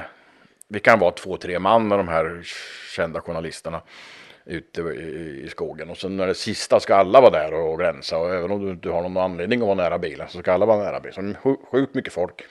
Men också, också i alla fall när jag står där och mitt i när jag pratar så känner jag bakifrån att någon lyfter på min eh, öronkåpa och viskar i örat så här eh, Lasse, det är inte Petter som kör. Och ryktet hade ju gått någonstans innan om fortkörning och grejer och min hjärna lyckas ändå på något samtidigt som munnen går, det ska man också komma ihåg när man pratar i radio, att ibland får liksom, man får se till att munnen fungerar och sen får hjärnan jobba för sig själv. Eh, men alltså, mitt, i, mitt i det där då, så, så kommer det, och det var Janne Ryd, eh, rallyutskottets ordförande som jobbar också under många år som, som eh, eh, förarkontaktman på Svenska rallyt. Han kommer och viskar i mitt öra och säger att det är inte Petter som kör. Och då, det här är ju inspelat faktiskt. Petter Solberg har använt den här snutten från Svenska eh, ra- radion, då, eller eh, Sveriges Radio, som någon PR-grej vet jag. Han har fått tillstånd av det. För då säger jag, nu vänta, vi backar bandet, vi börjar om så här jättelugnt. Och jag ser ju att omgivningen hör vad jag säger så här. Det är så här, det är inte Petter som kör bilen. Och där, just då när jag säger det, det är första gången liksom hela, ja, alla vi på något sätt får reda på det då. Så då vart det officiellt och så när han kom sen bara kanske någon minut senare till målet eller om det var en halv minut. Då hade ändå liksom, tack vare det spridit sig då. Och då kom ju alltså, vad heter kartläsaren? Chris Pettersson. Chris Pettersson ja. Han sitter där och är jätteförvånad och ingen är på förarsidan. Alla ska vara på kartasidan för första gången någonsin, vilket innebär att det är logistiska bekymmer för där har ingen trampat upp snön och där ska ju papper in och ut och så. Men, men eh, och Petter sitter i högerstolen och asgarvar. Jag tänka mig. Var det då du smög in till, till, till Chris? Nej, det var ingen, han körde inte så fort så det var inget att intervjua. Men han klarade ju, han tappade en placering tror jag. Så istället för att bli tvåa vart han trea eller någonting sånt där. Så det var inte värre. Det, Nej, alltså det var ju tur att inte sträckan var ett par Ja, för, mil. ja kanske. precis. Ja. Och det var ju så att han hade alltså kört för fort i Sverige med norskt körkort eh, två dygn tidigare. Ja, för det var på fredag ja, förmiddagen. någonting- ja, jag vill säga klockan två vill jag säga. För det var ju just en viss klockslag så han kunde ju köra alla sträckor utom den absolut sista då. Så att, eh, och sen dess så tog de bort den regeln så att det inte ska kunna hända igen. Vad hade hänt om han hade kört? Vet du det? Det hade de säkert listat ut eller funderat på. Eh, nej, det vet jag inte. Men eh, har du inte körkort, då, jag tror att du har blivit utesluten ur tävlingen. Det borde vara så, eller Ja, hur? ja. Eftersom det var så känt också. Ja. Det, var ju ingen, det var ju något som tävlingsledningen kände till så att säga. Så att, det hade nog inte gått. Nej. Om man tänker ändå som Petter, han borde ha haft fler alltså, i andra nationer kanske, men det kanske inte spelar någon roll heller när man är, är sådär. Sen är ju det här med körkort och grejer det är väldigt olika för olika körkort i olika länder. Eh, Så Petter fick ju köra bil i hela världen utom i Sverige. Då. Eh, Den här tiden han var med körkortet så att säga. Så att det, det där är, det kanske inte går att jämföra med något annat land eller en annan situation. Nej. Nej, men det är ändå spännande att höra att det, det var lite kniven på strupen Ja. där ändå. Så. Men om vi tar Solbergssläktet. Henning, han måste ju ändå ha varit en rätt skön Ja. snubbe att intervjua sådär. Det är någon sån där klipp som, som eh, P4 eh, Värmland använder rätt ofta när jag intervjuar honom. Och rapar han inte mitt i intervjun? Eller det, han säger något konstigt läte i alla fall. Liksom. Jag ställer någon fråga och så kommer det eh, som svar. någon säger, jo han är, honom borde inte intervjua. Det är ju bara att ge en micken och sen jag ta en fika så pratar han själv en, en, stund och sen är det klart. Ja, det, det måste, måste vara skönt när det kommer några sådana också. Ja, då, absolut. Så. Men då kanske vi går över till promotorskapet. Hur du kom in på att driva rally-SM. Ehm, på något sätt finns det ganska stora likheter med hur rallysporten mår idag, men vi pratar alltså 2005. Ehm, och då är det ju ett gäng år efter liksom Stig Blomqvist och Björn Wallegårds storhetstid och, och, och, och VM-guld 84 och sådär. Men på något sätt hade det väl där hängt i ändå ganska länge och vi pratade om de här att det fanns pengar. Jag menar Mitsubishi körde flera bilar med Kenneth Bäcklund och Stig-Olof Alfredsson och det var Renault och det var folkvagnar och det, som, det, det Toyota, Team Sweden och vi ska inte glömma sådana grejer. Det är säkert massa jag glömmer. Men sen, sen försvann det där. Det var ju där ett tag i början på 2000-talet Ja. när Toyotorna kom. Det var väl ungefär sist. Alltså, Ja, sista som hände om vi nu säger så. Då tänker du på Grupp H-Toyotan som kom. Exakt. Mm. Eh, det var väl det sista som hände liksom så där och sen då kände man att, liksom att marknaden rann ifrån rallysporten. Eh, och jag fick frågan, eh, jag kommer ihåg var hon är, även då var Janne Ryd inblandad och det är han fortfarande än idag. En riktig eldsjäl för, för sporten. Så. Eh, man kom till mig, jag hade gjort radio och så var det väl efteråt sån här, så här, Lasse, vad, vad, vad ska jag göra åt rallysporten? Eller rally-SM var det väl frågan. Och då svarade jag, eh, anställ mig. jag tänkte inte efter. Jag det är sa så. kaxigt ändå. Ja, jag men jag, är- jag, jag, ibland så uttalar jag mig kaxiga saker, men jag är inte kaxig, utan det är nog mer att det kanske kommer lite för fort eller lite sådär. Men i alla fall, så sa jag. Och sen var det en liten dialog efteråt, inte där och då, men, men eh, senare. Så att ehm, eh, vi gjorde ett försök. Eh, ja, det är ju ändå så att det här försöket var ju ett, ett väldigt koalition mellan mitt då nybildade bolag eh, och Svenska Bilsportförbundet. Och överenskommelsen var väl i princip att vi, eh, du får fakturera oss eh, lite pengar som en anställning eller egentligen en konsult. Ehm, en viss tid. Och sen eh, får du se till att det här bär sig själv i princip. Ehm, och ehm, men det fanns inget sagt liksom hur länge eller hur mycket eller sådär. Men givetvis då kände man ju då, jag sa ju upp en anställning och in i det här så att det var ju lite, lite småjobbigt. Det fanns ju familj hemma och sådär. att- Med ekonomi och sådär. Det, får ju inte, det, det måste gå fort. Det var helt enkelt konsensus av att Ja. det, det måste hända snabbt. Ehm, så det var fara runt och prata med folk och de menar Olsbergs eh, var ju där, Göran Henriksson eh, var ju i, i sitt esse när det gäller motorsport och ja, många, många andra hade möten med massor människor vill jag väl ändå säga. Eh, TV var ju någonting som, som eh, sporten liksom gnällde efter. Det hade ju funnits under alla år men liksom försvunnit där och så. Så det, det knöt vi ihop och då det blev ju sändningar i vi tyckte att det var B när vi fick sända i TV4 plus hette det då. Vilket man tittar på idag är skitbra. Ja, Eh, Men man det. förstod faktiskt inte det. Man, man ville vara med rally, man ville vara i SVT. Vi var och pratade med SVT. Ja. Eh, Man ville vara i TV4. Men vi fick, vi fick till slut till en, en del så vi var i TV4 plus. Ehm, eh, vilket egentligen var jättebra. Fast vi tyckte nog inte det eh, där och då egentligen så. Och tv skulle vara Team åkare tyckte att tv var väldigt, väldigt viktigt i alla fall. Så det, det lyssnade vi på och så gjorde vi det. Men så var ju det där svåra att finansiera då. Och då får man ju Ja, det var ju inte välja och vraka på något sätt. Det var tufft. Väldigt tufft. Ja, det kan jag tänka mig. Ehm, eh, och vi hittade ju egentligen två större partner som båda blev fel. Ehm, och eh, för att, innan vi går tillbaka till det så blev det ju sen att tålamodet och pengarna från rörelsen och från förbundet räckte inte utan de sa tack för din konsulttid och sen eh, tog, tog det slut. Eh, lite hastigt och, och, och, lustigt där så att säga. Så det blev ju aldrig riktigt färdigt det här så att säga. Men det jag gjorde var väl saker som man fortfarande ska fundera på och fundera på. Eh, Svenska rallymästerskapen, dagens promotor har ju verkligen funderat och gjort på, på, på, på sitt sätt. Men klasser och, och synlighet. Eh, jag till exempel jag fokuserade ganska mycket på sidning och ordning på bilar för jag tänkte ur ett, ur ett mediaperspektiv. Jag kommer ju ändå från radiosidan. Där, hur, hur får vi rallysporten att synas? Hur får vi en journalist ifrån, vad heter det, Nyköpings Allehanda eller vad heter det? Ja, Turnas Nyheter, men alltså. Så, ja, ja. Hur får vi en, en, sportjournalist som kanske går på innebandy på fredagen? Hur får vi honom att komma ut på en rallytävling och förstå vad som händer?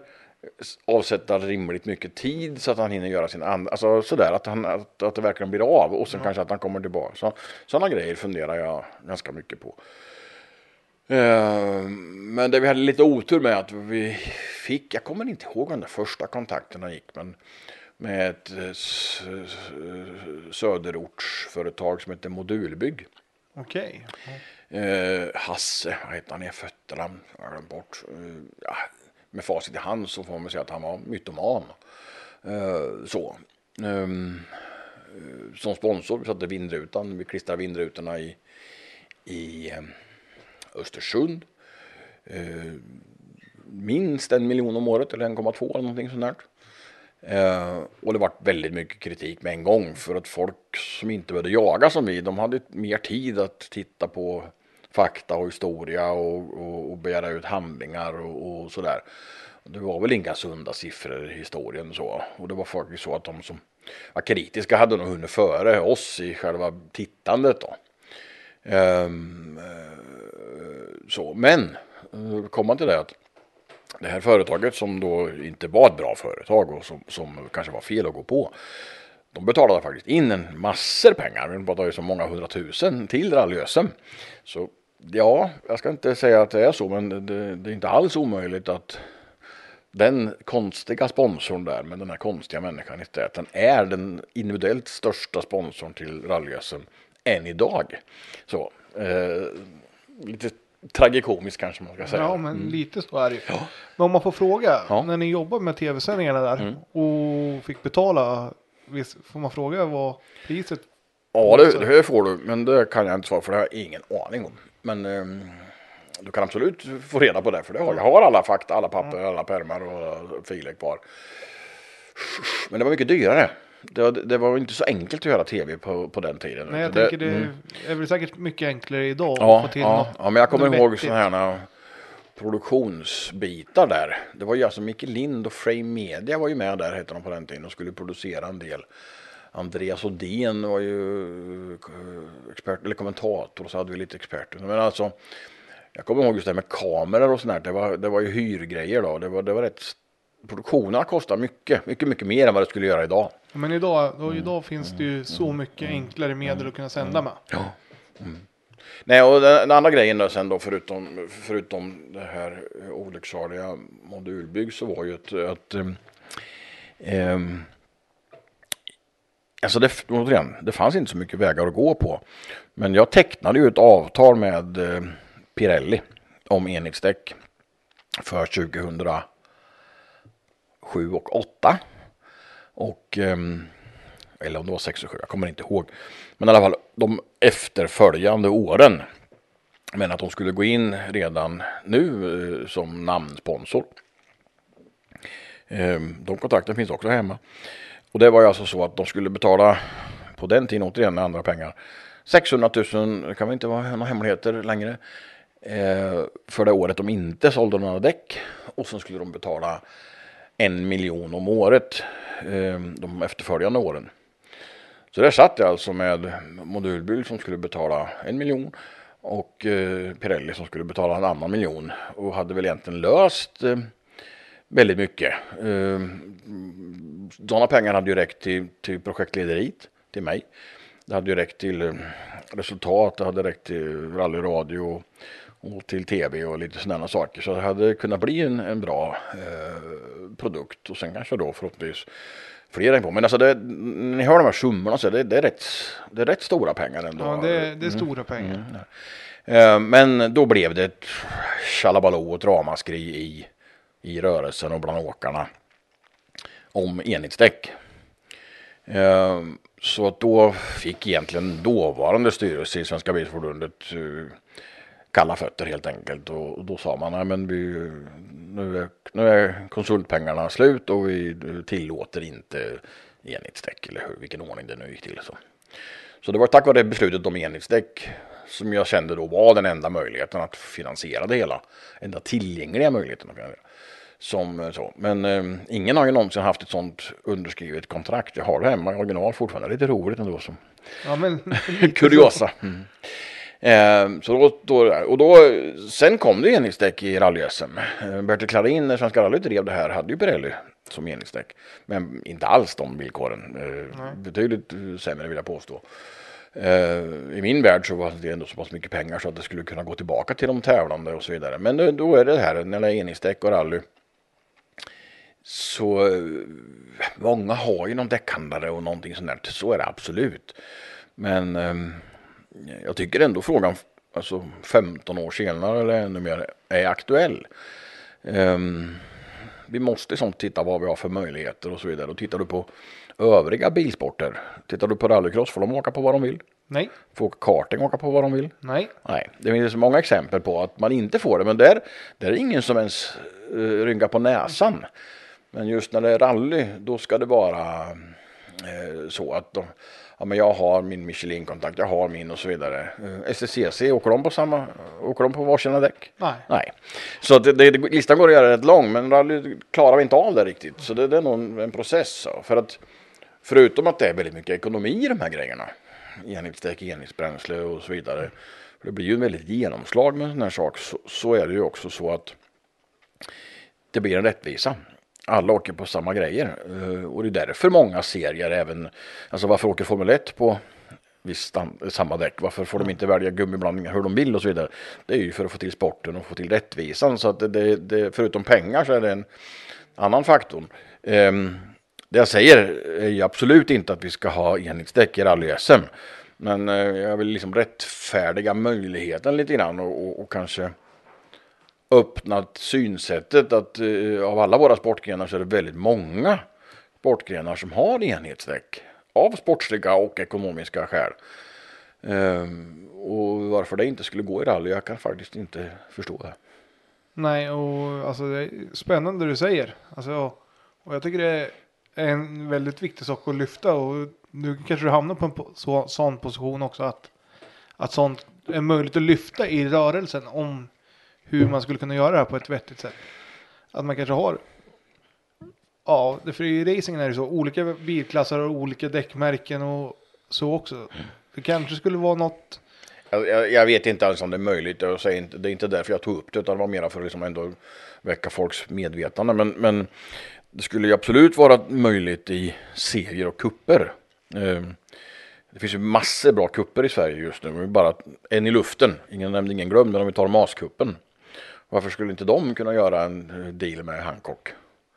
Eh, och sen åker alla i Maskuppen Hancock. Eh, det skulle kunna funka. Absolut. så, så att det kanske inte behöver vara SM.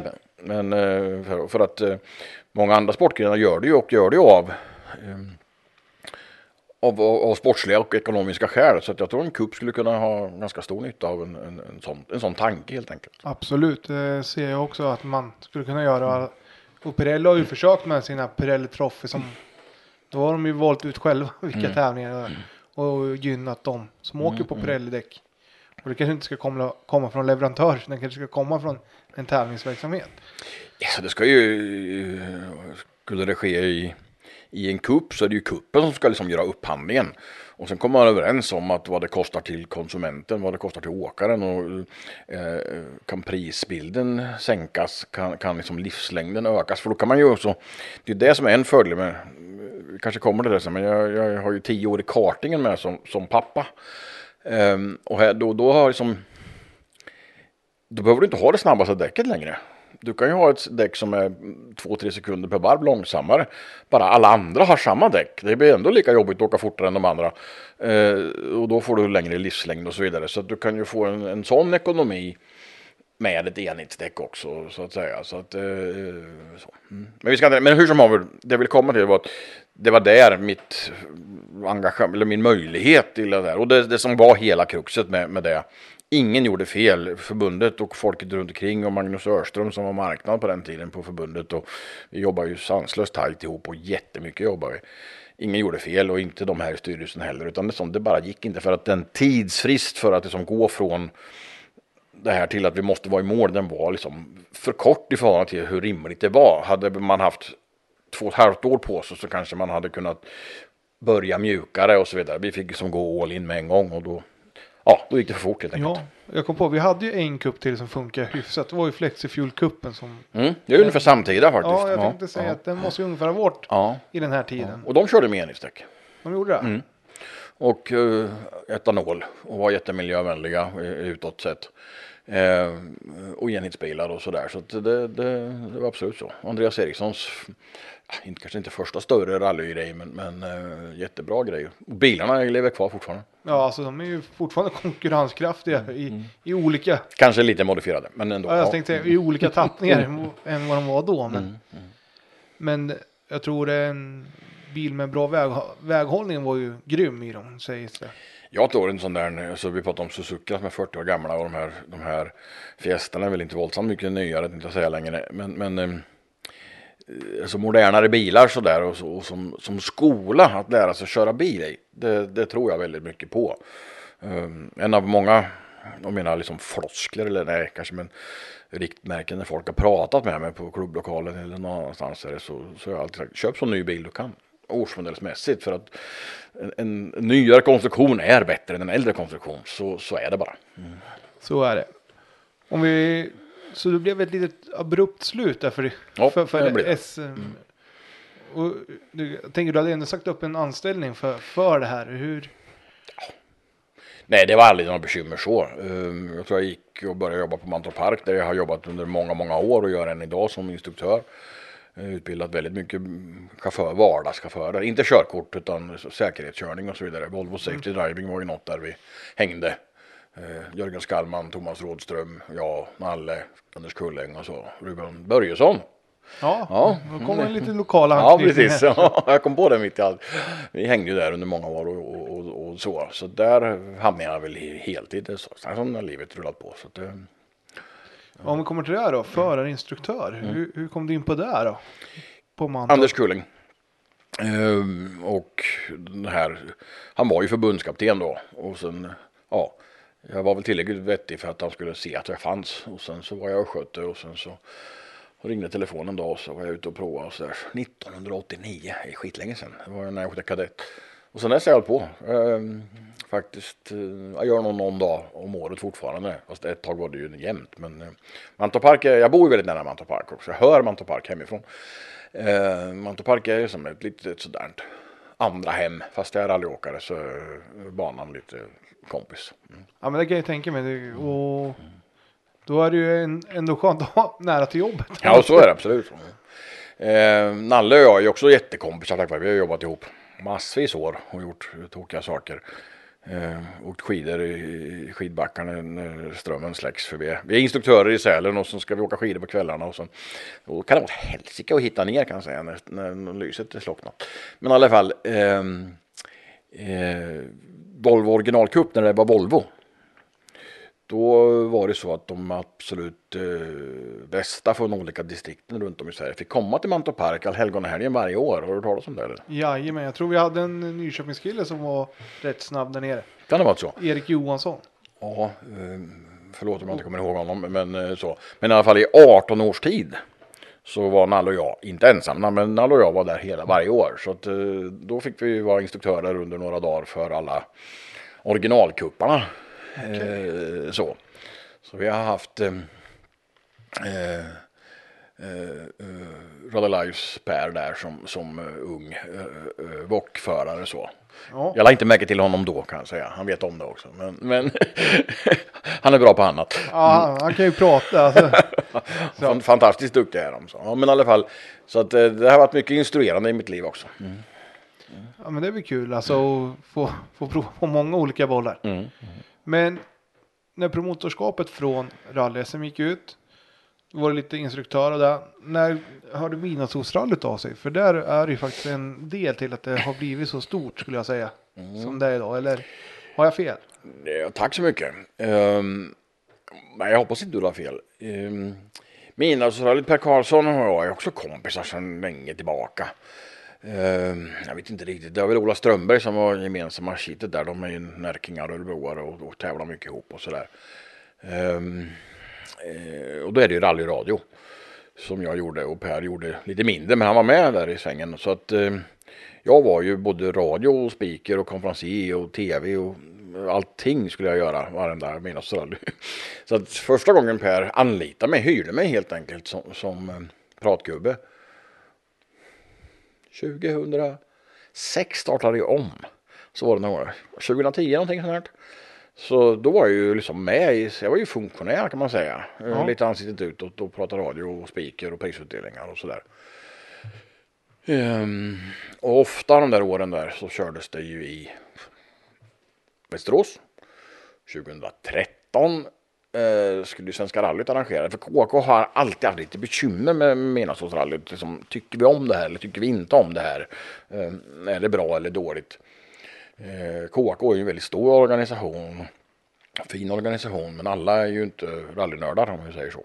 Nej, det är ju väldigt spretig organisation som är väldigt fin om man säger så. Men i alla fall 2013 gjorde ju eh, Glenn och Svenska rallytorganisationen rallyt borta i Karlstad. Då var jag också där och jobbade åt dem då istället. Ja. Ehm, och så var det inte det bra. Eh, och så 2014 var det tillbaka i Västerås.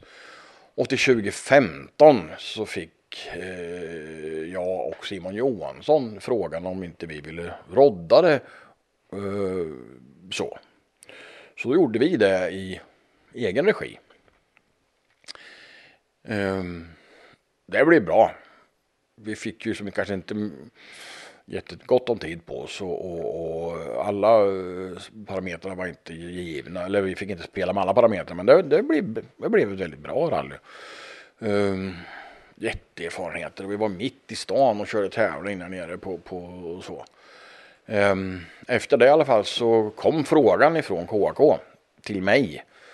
Um, vill du ta en anställning och driva rallyt åt oss? Så jag gjorde det. Ja. Ehm, och de tyckte, ändå, de tyckte jag gjorde ett bra jobb. Och Det var så enkelt så att säga. Mm. Vilket år var det per, alltså när TV4 var med? Var det åren innan där eller? För då, Ja. då börjar väl? Ja, det kanske är där. Det är långt tillbaka. Ja. 8, 9, 10 någonting Ja, sånt någon- där. Ja. Aftonbladet TV vet jag att jag var programledare för något år där med Team Tidö och där. Men, ja, men Det det, var var, det. Persbrandt och tidigare. TV4 var ju, det hängde ju ihop där och det var ju, Var tidigare? det var tidigare. Det kanske, Yes. det kanske är 8, 9 någonting sånt. Ja. Men då var jag bara pratgubbe så. Ja, exakt. lite radio men inget annat. Mm. Ehm, Men i alla fall då till 2016 så var det jag som skulle göra det så att säga. Ja. Men då var det ju, jag hade ju alltid i världen, alltså det var ju mitt jobb. Um, eh, och jag hade, visste om det i god tid och, och, och så. Um, Då vill jag, alltså, Mm. då tänker jag så här, då hade du det här som heltidsjobb. Mm. Och då finns det ju lite tid, alltså jag förstår det är ett jätte, jätte arrangemang. Som vi som arrangörer på den här nivån, i lokal eller distriktsnivå om man säger. Man vet hur mycket det är för ett SM-rally som ska gå på 10 mil. Mm. Nej men nu ska du ut i flera dagar i olika di- distrikt och län. Var du den som höll ihop hela spindeln i nätet där och tog hjälp av klubbarna runt omkring? Eller hur, hur tänkte du? nej men absolut så var det jag som hade liksom allt. Eh, Det låter ju fel, men det, det, på något sätt var det ju så att det, alla frågor gick ju förbi mig. Men det var ju klubbarna och funktionärerna och liksom här som, som gjorde jobbet. Så, som plockade fram eh, vägarna, som gjorde allting och liksom hela det här. Så att, eh, även om när jag säger allt så, så missförstå mig rätt. Jag såg till att det blev gjort och att det passade ihop och, och hade väl lite åsikter och så vidare. För det, det som är då så, ja men är heltidsanställd och göra en tävling. Fan, det gör vi på en vecka här så. Men det som du säger är ju stor grejen är ju då att dels så skulle man göra, jag vill säga att det, kanske istället var fyra tävlingar. För det var ju många län och många eh, så på en gång. Och du vet ju själv hur det är här med länsstyrelser och hej och hå. Det är inte det lättaste och, och så. Och sen gällde det också att finansiera det hela. Um, jag tyckte att jag fick en bra snits på det och pratade med kommuner på kommuners språk tänkte jag säga och med regioner och så vidare så fick jag ganska bra stöd. Fick bra intresse. Ehm, jag skaffade ju många vänner för livet. Ehm, Lars-Erik Spak och Lars Persson borta i Eksjö.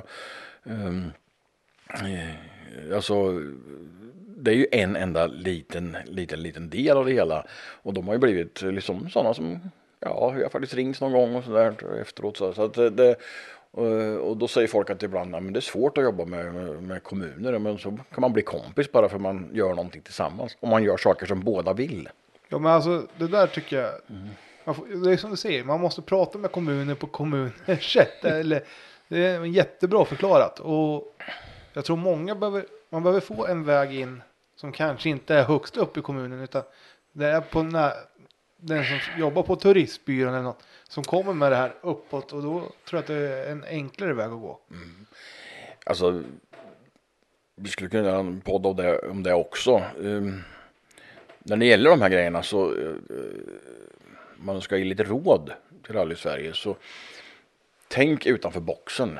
Gör inte samma sak varje gång. Um, Kalle Andersson ju- var ju min tävlingsledare de här åren där nere.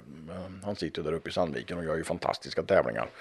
Men eh, ursäkta Kalle, men jag tror att ibland så kan det bli, den tar jag bara någon som exempel, vi tycker väldigt bra om varandra och så. Men, men det kan bli lätt att Kalle som företräder klubben går ner till samma kommungubbe och presenterar samma sak och vi ska vara på samma ställe och vi ska göra så. Jo, liksom, då, då ska den här äska lite budget och hämta någon annanstans. Men, men vad är liksom nyhetsvärdet? Vad, är, vad tillför det? Vad är det liksom extra att om du är på samma ställe?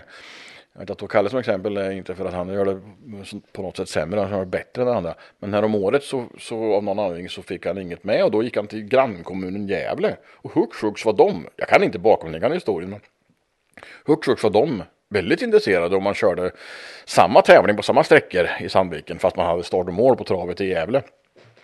För att för Gävle var det en nyhet. Det var liksom någonting som hände, något som stack ut. Va? Så att det kanske är det också, man kanske ska röra runt i grytan, man kanske ska flytta runt. Och man kanske ska köra åt andra hållet eller nerför backen eller uppför backen eller alltså vad som helst för att eh, så. Och sen helt enkelt vara lyhörd och, och fråga vad vill du? Eh, så. Eh, och, och liksom vad, vad kan vi göra för, för kommunen? Jag menar i, i Vimmerby Bosse och Patrik och som nu pratar jag alltså, nämnde jag dem som kompisar, vilket det är, och då, nu pratar vi kommuntjänstemän här liksom. Ja men alltså, vi gör så här och så tog de fram någon karta och så ritar de liksom, vi kör tävling här från kyrkan över Storgatan och så ner så går vi i mål där borta. Oh, nej, nej, då hade de verkligen tänt till och kom med egna idéer liksom va. Ja det finns liksom, det här går liksom, det går fort, jag, det, nej, nej, så bra går det inte. Så att då, då hade vi kommit så långt i diskussionen så att de var de som kom med de här tokiga idéerna så att säga som var så, så att jag fick bromsa och backa. eh, eh, så där. Så att det, det, och när man kommer i de där lägena och hittar de här liksom connectionerna med och man, man bjuder lite grann på sig själv och, och, och man frågar efter lagom mycket. Ja, men då får man ju också väldigt mycket hjälp. Bosse Palmér här nere. Alltså det är ju på något sätt har vi blivit en av mina närmaste vänner och vi, vi varit bara ihop. Han var bara framknuffad till mig liksom, nu ska du som tjänsteman här, du ska hjälpa Lasse med det här. Och Jag kommer ihåg någon- nu 2016, det första året, jag tror det är då. Och så inser vi liksom sista dagen att Fan, vi har ju tänkt fel. De kom ju den vägen. Råboken visar den vägen och där är det inte avspärrat. Och liksom, vi behövde ha enkelriktat. Nu var jag inte på tävlingsväg, de var inne i Vimmerby. Vi behöver ha enkelriktat upp här, gågatan ända upp till centrum. Fast vi, som, och det har vi liksom inte ansökt om eller fixat med. Och sådär. Så, ja, men, ja. Och Bosse bara vänder sig om och så tar han upp sin telefon och så ringer han. Tjena, är det Nisse? Ja. Du, ehm, ändra det där pappret där uppe så vi stänger av ifrån den gatan istället. Så, ja. Och du förresten, har du några gubbar som kan komma ut med, med lite avspärrning? Vi behöver det. Jaha, när ska det vara på plats då? Ja, om 20 minuter. Ja, vi fixar vi. Så, så bara man hade rätt kontakter så liksom, ja, då hade man ändrat det där och liksom det var kommun som gjorde jobbet. Eh, och vi stod där och, och skrattade. Mm. Ja, det, det måste ju varit riktigt skönt att om en vanlig tävlingsarrangör skulle komma på det där dagen innan att det här är inte riktigt gjort. Då blir det lite jobbigare. Ja, det var inte meningen att Kalle Andersson skulle få exempel i, i den här frågestunden, men han blev det. Han var, första gången han var nere, då sa han bara, ja, men det, vad, vad, hur har du gjort? Det här går inte. Det här, som, de, de, vill, de kommer och ber om att få hjälpa till. Uh, och, och liksom, det, det, det händer inte. Uh, jag kan inte säga vad det var, men, men uh, jag tror det var tack vare att vi, um, vi etablerade de här kontakterna och på det sättet och, och, och var liksom bundisar. Det var ju det som gjorde att hela projektet blev så bra. En personkemi helt enkelt. Ja, det tror jag. Men väldigt många personer och väldigt många olika personer. Så att det har, ja, ja men så. Mm. Härligt. Alltså, och det blev ju väldigt lyckat nere i Vimby de här åren. Att jag valde Vimby fanns massa olika faktorer till. Men, men eh, eh titta på kartan säger jag. Det, det, det är det som är huvudgrejen. Eh, för att de tävlingsbanorna, ett par sträckor över åren vart skit. Men, men eh, det går inte kanske att gardera sig mot hela tiden. Men, men eh, totalt sett, för det som var så fel i Västerås och även i Karlstad, det var ju de här långa transporterna. Och det är liksom inget roligt för, för de här gubbarna och gummorna och bilarna och sådär. Utan då, som vi, vi hade vi extremt kompakta tävlingar med väldig kvalitet på, på vägarna och, och en hel del långa bitar med. Vi var, körde över två mil flera sträckor. Um, så det var ju det som avgjorde egentligen för mig. Och sen var det väl skapligt nära 11 mil dit hemifrån. Um, eh, och sådär. Sen när Vimmerby, man också nu ska rådge någon som ska göra Medelhavsrallyt 2. eh, populär uppföljarfilm så. Eh, så är Vimmerby kanske något för liten ort. Men det är också en avvägningsfråga. Eh, går det till Västerås så är Västerås för stort, Linköping, Norrköping också kanske för stort för där försvinner vi. Där tar vi liksom ingen plats, vi gör ingen vi, vi, syns inte i samhället. När ESR körs nere vid Saab Arena i Linköping, ja vi nördar ser det och vi är väldigt nära men för en Linköpingsbo så är det som, det står i alla fall bilar på den parkeringen normalt så det är, som, det är ingen skillnad. Eh, när Midnattsrallyt kommer till Vimmerby Eh, och vi kör tävling mitt i stan. Vi är start och mål på torget. Och, så då blir folk påverkade. Och det kommer fyra klagomål till kommunen om att de får åka omvägar till dagis och, så. Men det, det, kanske en kommun får ta i det läget. Men då gör man ju ett avtryck så. så att, eh, Däremot så är ju då kanske Vimby lite för litet om man tittar på hotellnäring. Eh, vi fick ta stora kostnader för för att ha, eh, bygga tältmiljö till exempel för det fanns inga, inga sådana lokaliteter i Vimmerby och så vidare.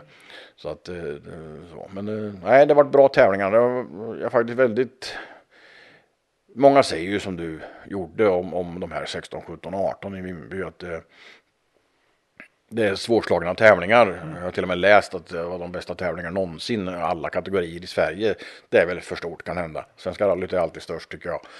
Men, men eh, de var svårslagna och även, även om det regnar mellanåt och sådär. Um, nej, de är, jag är väldigt glad över dem faktiskt. Ja, det kan jag förstå och det ska du vara också. Du har ju gjort ett jättejobb, men jag tänker alla klubbar som är med runt omkring också.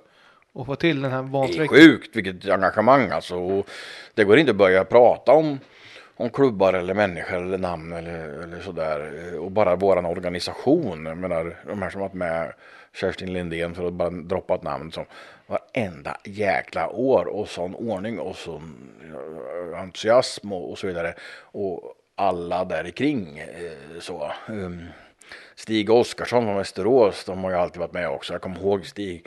Och ja, det var trångt i Kisa. Jag, hade, jag har ju någon slags drift och alltid krånglat till det och var mitt i smeten och sådär. För jag säger att det är bättre att ta sporten till, till människorna än att lyckas få människorna att komma till sporten.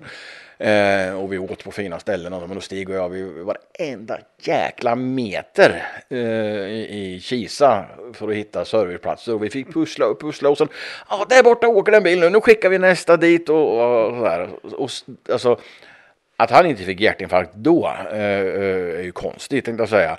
Och att han återigen ställde upp när man frågade efteråt. Det, det är ju sådär som man, man som sådana eldsjälar finns bara inte. Och alla andra gjorde samma sak. Mm. Ja, det är ju riktigt kul att ha, mm. alltså sådana här. Det är sånt som lyfter det här med lite funktionärsarbete i Sverige också. Att det finns sådana här exempel att man tar det till och att det funkar även fast man tror att nej, det här kommer inte lösa sig. Men mm.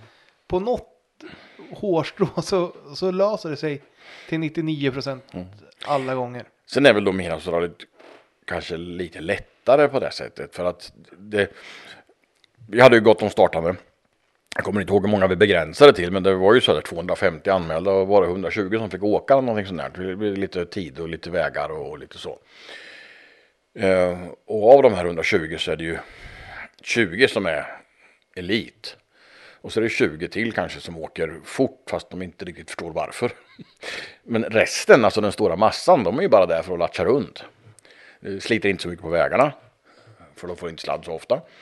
Eh, eh, och eh, är ju där som en, det är ju, det är ju deras happening. Så att även för att vara funktionär så kanske det är lite roligare än att stå eh, i gästabudstrofén i, i, i snålblåst eh, och det kommer trumpna eh, B-förare i varsin Opel. Nej men eh, så att det, vart ju så. De, lite mer tjenis och lite mer glamour och lite glitter och så här. Ja, men lite så är det ju och som sagt. Och sen tror jag att det är lite. Alltså man såg ju. Vi hade ju montrarna bredvid varandra nere på Elm ett par år där. Ja just det. Mm. Och man såg ju vilken dragkraft det var där när ni öppnade anmälan. Ja det var rätt fränt. Det var ju också det, ja, ja, det är nog min idé. Eh, att göra en sån anmälningsöppning live och släppa den live och på ett visst klockslag. Och jäklar vilket liv det var. Dels för att få, det var ju Lars Gren och Resultatservice som har gjort fantastiska jobb i många år med rallyradio och midnattsrally. Eh, alltså, du är ju tum. så, du kan ju inte öppna anmälan ett visst klockslag. Du får ju bestämma en dag. Nej. Klockan ett eller någonting sånt där. Då så. Och det var inte på mässans första dag eller tror jag, det var liksom på andra dagen. Någonting. Och de ringde och de frågade, kan vi inte anmäla oss innan? Och vi sa, nej, då. Så, här. Eh, så då hade vi kö. Det kanske du ja. kommer ihåg det? Ja, Ganska lång kö så, som stod där och, och skulle vara först. Hans Jonsson tror jag, Saabåkare, var först eh, och anmäla sig där. Också den grejen att man anmäler sig ett visst klockslag och gör det live på en mässa tillför ju kanske egentligen i sak ingenting. Nej. Men det blir en snackis, det blir en grej, det blir en, en, en krydda i, i, i samlingen. Så jag tror också det är viktigt för arrangörer att, att um, pyssla om lite grann och, och, och, försöka hitta på saker. Och så. Ja, men lite så tror jag. Mm. För jag härmade när vi skulle åka Gässebustrofén som mm. SM. Mm. Att vi körde öppna anmälan på Elmia. Ja. Okej. Även fast vi... det missade jag. Mm. Ja. Mm. Nej, för vi, ja, vi skulle ha lagt ut det två månader innan, men det mm. blev väl mm. en månad och 25 dagar eller något istället. Men det var ju bara för att vi skulle vänta in fredagen till Elmia och ja, kunna öppna där. Ja. Blev det bra då? Det blev inte lika bra som Midnattssolsrallyt om jag säger så. Jag Nej. tror vi hade, vi hade ingen kö. Okej. Nej men det fungerar i alla fall. Ja, det kom, för vi sa den som är först att anmäla sig på Elmia mm. får 500 kronor i rabatt okay. på, ja. på startavgiften. Så jag mm. tror vi hade i alla fall en mm. 7-8 mm. stycken som ja. kom. Det var ju mer än vad ja, men det man var, brukar få det var en bra grej. på ett SM-anmälan. Nej, och så, man, så, nej, det brukar vara tvärtom, alla kommer sist. Um, nej, men där hade vi ju, och det var ju inte min förtjänst på något sätt, men vi hade ju den här historien av gallring. Uh, att vi, man var för populär för intresset så.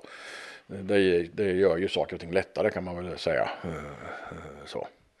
Nej men eh, sen hade jag ju en förkärlek och, och som sagt att jag eh, krånglar till det. Jag nämnde till eh, Lars Persson och, och, och Lars-Erik Spar till exempel borta i Eksjö. Um, jag vill ju komma nära och jag ville till, till bra mat. Och det här är ju en upplevelse för väldigt många som åker. Så Stadshotellet i Eksjö är jättefint, gammalt anrikt eh, hotell. Ja. Ligger precis vid Stora torget som är ju en olämplig serviceplats men ändå en serviceplats. Ja. Olämplig därför att den inte går att komma till och det är kullersten och det här. Där brukar det ju vara liksom hästar och soldater och marscher ja. och trumpeter och så. Där vill vi ha rallybil. Um, och Eksjö kallas ju för trästaden. Uh, det är en av de få städer som inte har brunnit bort genom åren. Mm. Väldigt gammal bebyggelse som står kvar. Um, och jag vet inte vem av oss, det kan lika gärna varit de som jag, som sa som, men kan vi inte komma här in, köra här? Så, på den här, just den här Trästadsgatan. Och det är så att där har ju biltrafik varit förbjuden i 20 år. Nej, det här gör vi transportsträcka. Så där var det ju som bullrande rallybilar och illaluktande tvåtaktare som, som kryssade sig förbi uteserveringarna och, och så. Och visst störde det säkert någon. Eh, så. Men det gladde, det gladde desto det, mer. Det gladde mm. desto mer, ja. eller hur? Och det blir ett avtryck så. Så att hux flux då liksom har alla Eksjöbor på något sätt förstått att det var ett rally här i stan. Mm. Även om tävlingen var sen ute på Ränneslätt eller någonstans mm. där ingen liksom såg det. Men vi, vi, nej, det, det, tror jag också går att faktiskt att överföra till, till andra. Men det ska vi komma ihåg att allt sånt här kräver ju en jäkla massa jobb. Och när du ska göra gästabudstrofén då kanske du liksom har fullt sjå för en, en, en arrangörsklubb att bara liksom få till tävlingssträckor, alltså allt det där. Så att lullullet är väl det första man tar bort om vi nu säger så. Och det kanske är synd, men det, så, det är förståeligt. Mm. Ja, det för jag hade, jag, man målar ju upp en vision när man ska ha, som vi hade 2019. Mm. Hade första SM-tävlingen på 32 år. Det första var att hitta ett centralt hotell som hade en tillräckligt stor parkering så vi mm. kunde vara. Mm. För då hade man tagit lite inspiration av, av både Vimmerby där mm. med centrala serviceplatser och även Älmhult som hade precis utanför Ikea-hotell. Alltså, och vi hittade ett bra hotell att vara på mm, mm. som låg rätt centralt. Och sen när man väl skulle börja mäta upp det där området. Jag vet Jocke Jakobsson, han gick och kliade sig.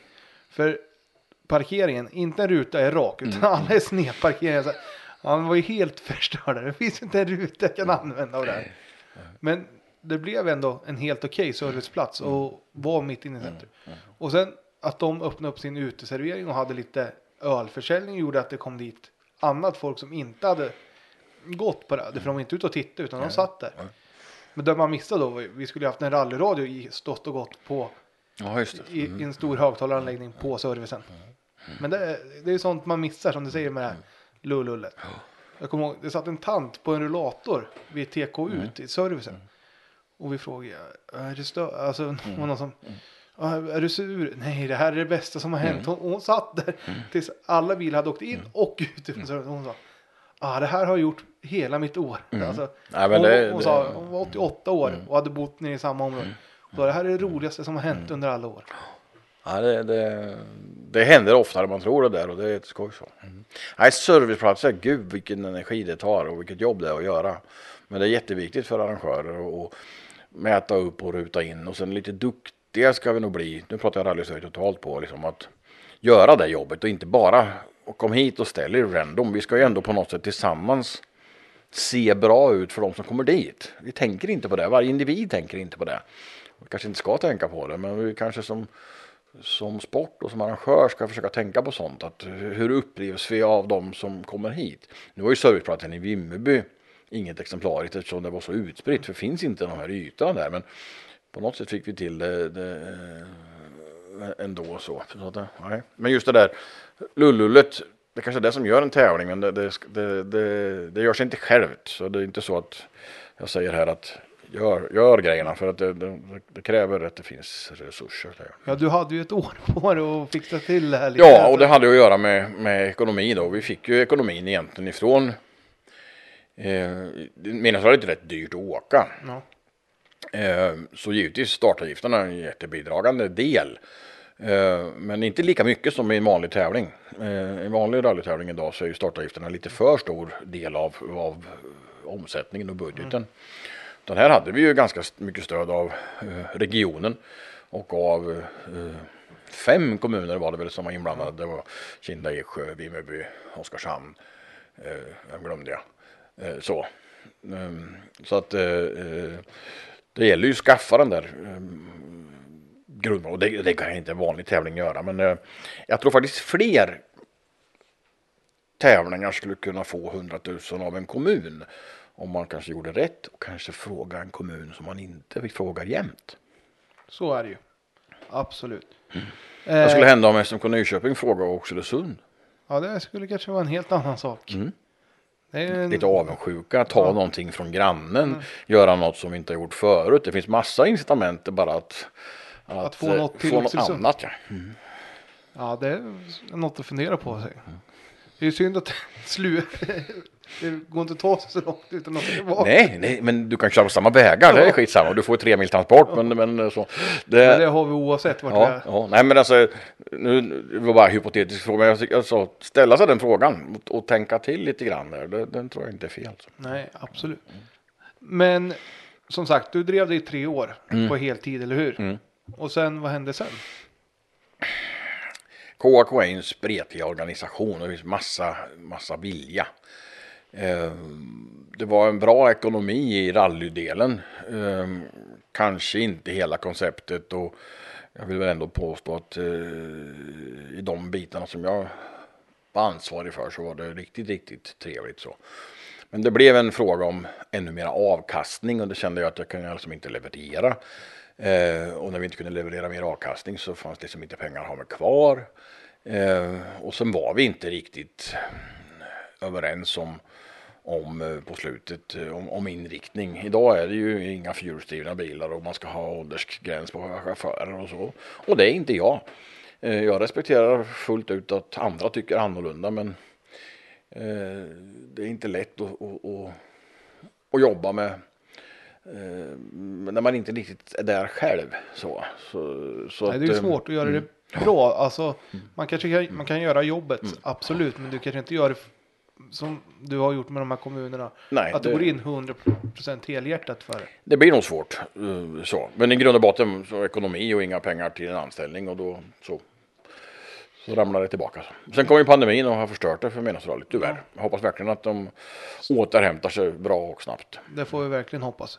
Men jag tänker, hade det här någonting med att det var många, nere i, när ni åkte sista åren i Vimmerby, att det kom mycket yngre chaufförer, eller mycket, men några yngre chaufförer som var med uppe i toppen och slogs med de här äldre herrarna som, Det hade det säkert och även om jag är precis mitt i epicentrum av tävlingen så kan det vara ibland i vissa frågor är det säkert jag som hör minst. Och då kan ju andra liksom som Philip McAmurray och Willie Douglas och andra kompisar eh, som är i KAK, och de kanske hör mer saker än vad jag gör och andra saker och sådär. Så att sen vilket som är rätt och vilket som är fel, det, det vet man inte riktigt. Men ehm,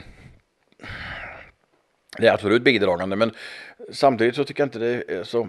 Midnattsrallyt är ju ändå. Det är en jättegrej att vinna. Det är en jättestatus. så är det ju. Många satsar ju kanske mer på det än på någon annan tävling. Eller annan serie, men, men eh, ändå är det ju någon slags lättsamhet kring det också. Men, så jag tycker inte det borde vara så allvarligt. Men, men eh, eftersom du frågar så, så, så finns ju frågan där ute absolut. Och, det var ju ganska mycket. Men alltså ta en sån här som Viktor Karlsson vill jag påstå va? Tävlar för Vimmerby. Han eh, lånade ju alltså en av Nelson, pappa Nelsons 240 där och åkte. Eh, vi är inte kompisar och så, eh, jag vet knappt om jag känner igen varandra. Men i alla fall, jag förstod ju då att det han gjorde där med sina sponsorer och sina partner, där, när det ändå fanns liksom folk och en allmän, allmän grej, det gjorde ju att han kunde åka vanligt rally hela året sen. Ja. Ehm, och varför ska man ta bort den möjligheten? Alltså, vad, vad, vad gjorde han för skada eh, där egentligen? Så, så jag, jag, men återigen, eh, eh, jag har, mycket tankar och idéer men jag har absolut inte alltid rätt. Men just det tyckte jag är fel. Jag tycker att alla ska få med. Men jag bestämmer inte. Nej men så är det ju. Alltså, du, du gjorde det ett tag, eller du hade, du hade en anställning som gjorde att du kunde vara med och styra väldigt mycket. Ja, jag kunde inte ta alla sådana beslut själv, men, jag, men, men absolut inte. Men ehm, eh, jag tycker det är fel. Så. Men, men eh, återigen, jag kan ha fel.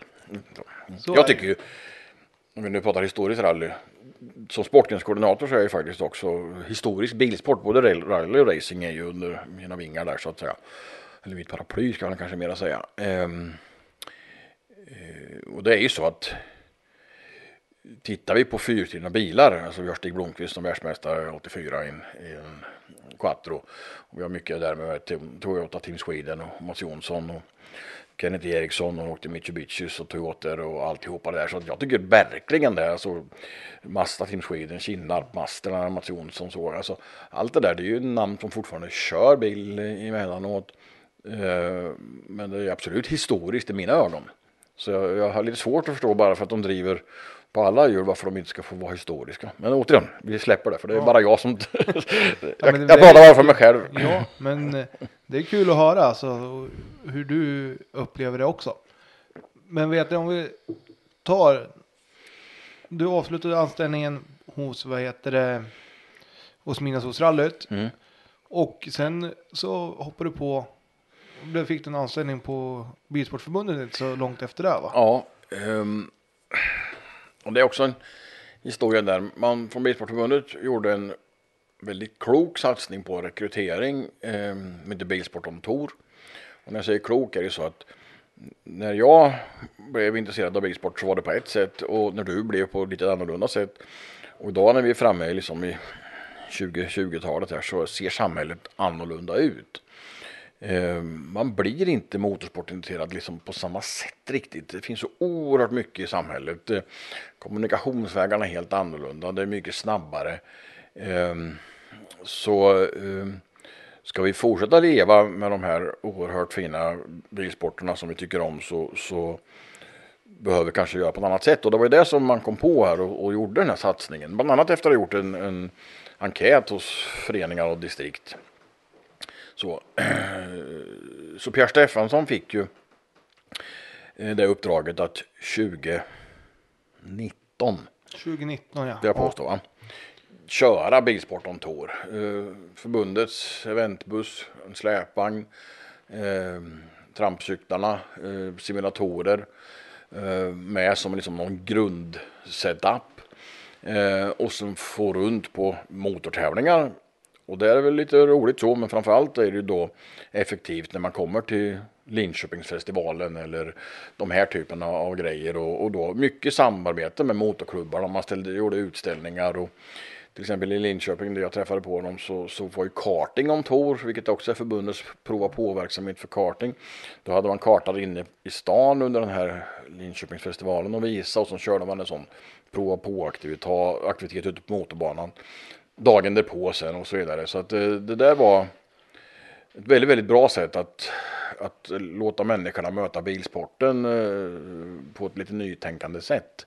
Och det fick jag, då var det ju så, dels var jag då med som motorklubbsmedlem och vi jobbade på Mantorp Park åt Bilsportförbundet och jobbade på, på just i Linköping åt och, och, och så vidare. Min sambo Emily var inblandad i det där också. Och, på, och i den vevan så, så fick Pierre frågan om förbundskaptensrollen. Eh, Det var ju lite ombytligt där ett tag men sen har han gjort ett jättebra jobb sen dess med den. Och han tog den rollen och ja, då, det var läge just då här med, när Midnattsrallyt fanns inte längre och sådär så.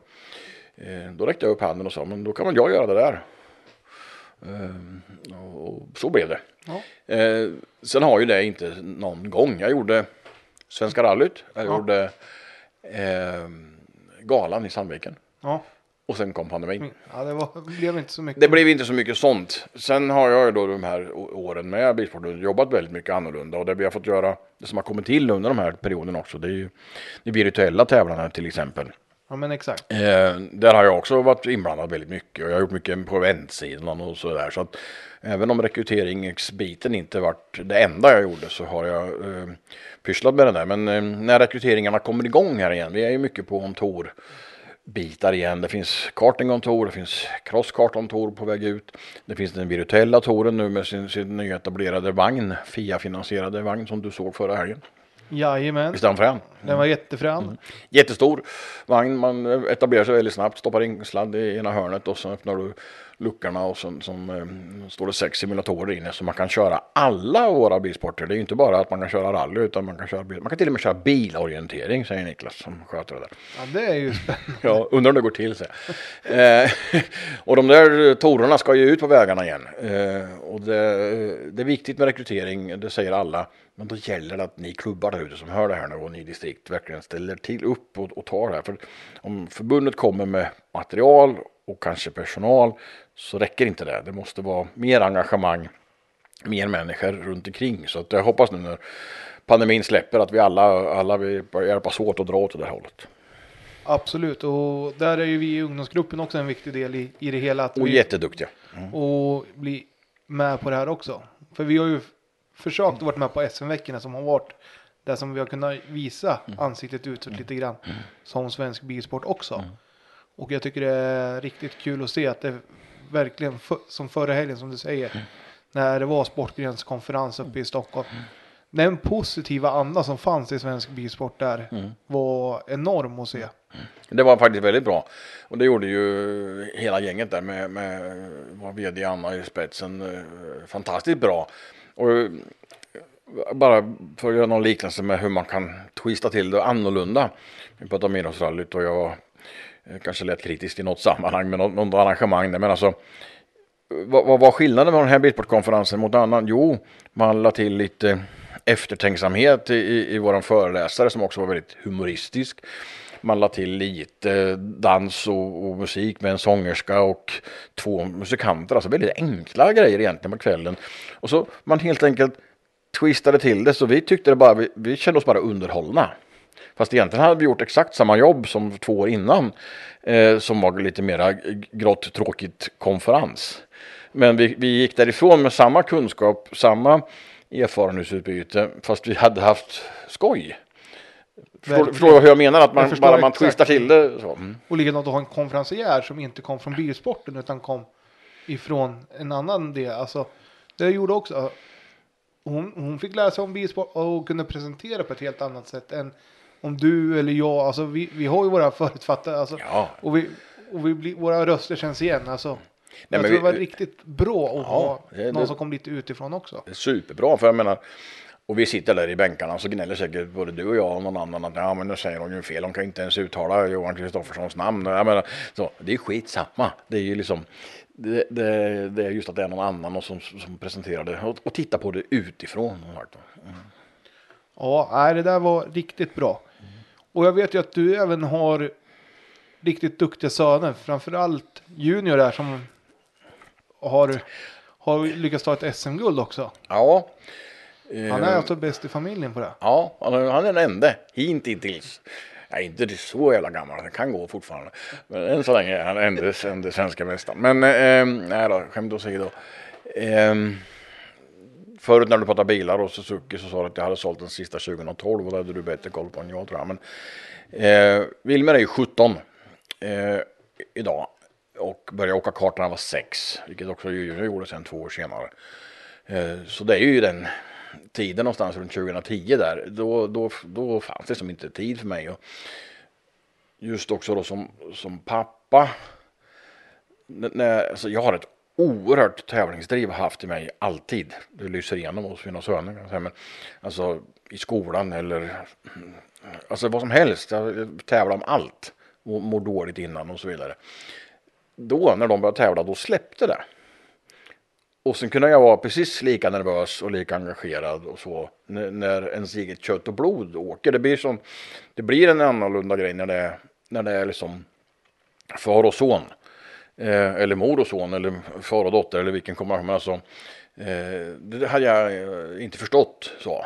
Eh, men sen dess har jag ju tävlat lika mycket som jag gjorde själv. Fast genom dem då. Jag tänker, om vi säger det. här. Båda tävlar i karting, eller hur? Ja, I, under många år, ja. ja. Men nu tävlar de på två olika. Den ena i rally, den andra i racing. Ja, och kartingen har vi inte släppt på något. Men alltså för att göra det lite enkelt då så kartingen är ju det första du får börja med. Jag har ju aldrig kört kart, jag har ingen aning vad som är upp och ner på en karting. Men, men eh, så det börjar de ju med när de var sex år, det året du fyller sju, så är det fortfarande, du får åka kadetti. Du tävlar egentligen inte, du gör skitbra organiserat, du gör alltså alla moment. Det är som du kör debutantrally i flera år. Ja, det är uppvisning heter ja, det heter det. Ja. Eh, men sen gjorde de det här eh, båda två. Och Wilmer då som är 17, han körde fram till han körde Mini. Han blev lite stor i kroppen, hade inte de där riktiga framgångarna. Så då ville han göra något annat. Så då åkte han eh, Renault Clio på bana. Det är ju en ungdomsklass där, där man får åka från 14 år eller 13 om du har dispens. Så han åkte när han hade dispens. Sen gjorde han det i två år. Eh, helt hyfsat. Ehm, och så tog han ett sabbatsår. Och eh, konfirmerade sig och gjorde lite annat. Och någon inte annan intervju så han sagt att det var hans tråkigaste år någonsin. Men det var nog väldigt bra för honom att ta ett sabbatsår och så göra det. Um, och sen då när han fyllde 16, alltså augusti förra året, så hade vi pysslat ihop en originalkuppare. Så då har han åkt uh, ungdomsrally. Egentligen så mycket det har gått uh, pandemin där. Uh, han vann ju RS-serien i Östergötland förra året. Eh, gjorde riktigt bra ifrån sig så. Ehm, eh, och som började lite försiktigt här i somras. Men tyvärr så åkte han lite för fort i Emil-trofén här nere. Så bilen står fortfarande i riktbänken faktiskt. Eh, vi har inte haft jättemycket tid och plåtslagarna har haft ännu mindre tid. Eh, så. Men, eh, så det blev ingen höstsäsong för oss tyvärr. Utan, eh, så. Men eh, Wilmer har hittat sin grej i, i, i rally och så har han ju är det du som åker med? Nej för tusan, jag är livrädd. Eh, Mattias Andersson skulle ju säga det. Klubbkompis, man känt i många år. Eh, mittemellan mig och Wilmer i ålder kan man säga. Eh, som jag också köpte bilen av faktiskt. Eh, Jag tänkte säga, han mm. var riktigt fortåkare Ja, jätteduktig, i, i jätteduktig, ja. han. Han har tagit rollen som uh, utbildare där och då är det fantastiskt samspel. De eh, skiljer ju var lite i ålder på dem. Men uh, de är väldigt lika. De gör samma beslut och, och jag både uppskattar och irriterar mig på samma saker hos båda två. Så jag förstår att de verkligen passar ihop. Och Mattias har varit eh, oerhört duktig mentor. Jag har ju sett någon inkarfilm och jag hör ju Wilmer berätta. Och, Nej, eh, fantastisk utbildning Wilmer har fått eh, på det där. Så. Ehm, och Junior då, som alltså är två år yngre, han är precis nyss fyllda 15 år. Han åkte också kart där väldigt länge. Ehm, ehm, men hos honom såg man tidigare, det var väl i den här miniåldern, nej mikroåldern förlåt, det var det absolut, givetvis var det så ehm, första tävlingsklassen där som sagt var att det fanns något annat. Han kör egentligen inte bil bättre än Wilmer men han, han har mentalitet som är annorlunda. Det är så eh, vinna, vad ska vinna? Det, det finns varför ska jag vara tvåa för? Vad ska, varför ska jag åka hit för om jag inte ska vinna? Um, och fokusera och koncentrera. Så, um, väldigt tydligt exempel på att mental, den mentala biten är så oerhört viktig. Du, du ska inte bara vara duktig på att köra bil, du måste liksom göra det andra. Och hur man är, kommer dit, hur, hur det kan skilja så mellan två barn med samma föräldrar, det är också lite konstigt så. Um, men det, så är det i alla fall med honom. Utan, eh, så att han måste komma ihåg åren rätt. Han vann den här mellansvenska karting, kartracing-serien MKR som är den största eh, för ungdomar i Sverige. Så. Ja, för den åkte till och med jag när Ja. jag var Ja. yngre. Så. Han vann ju mikro 2017.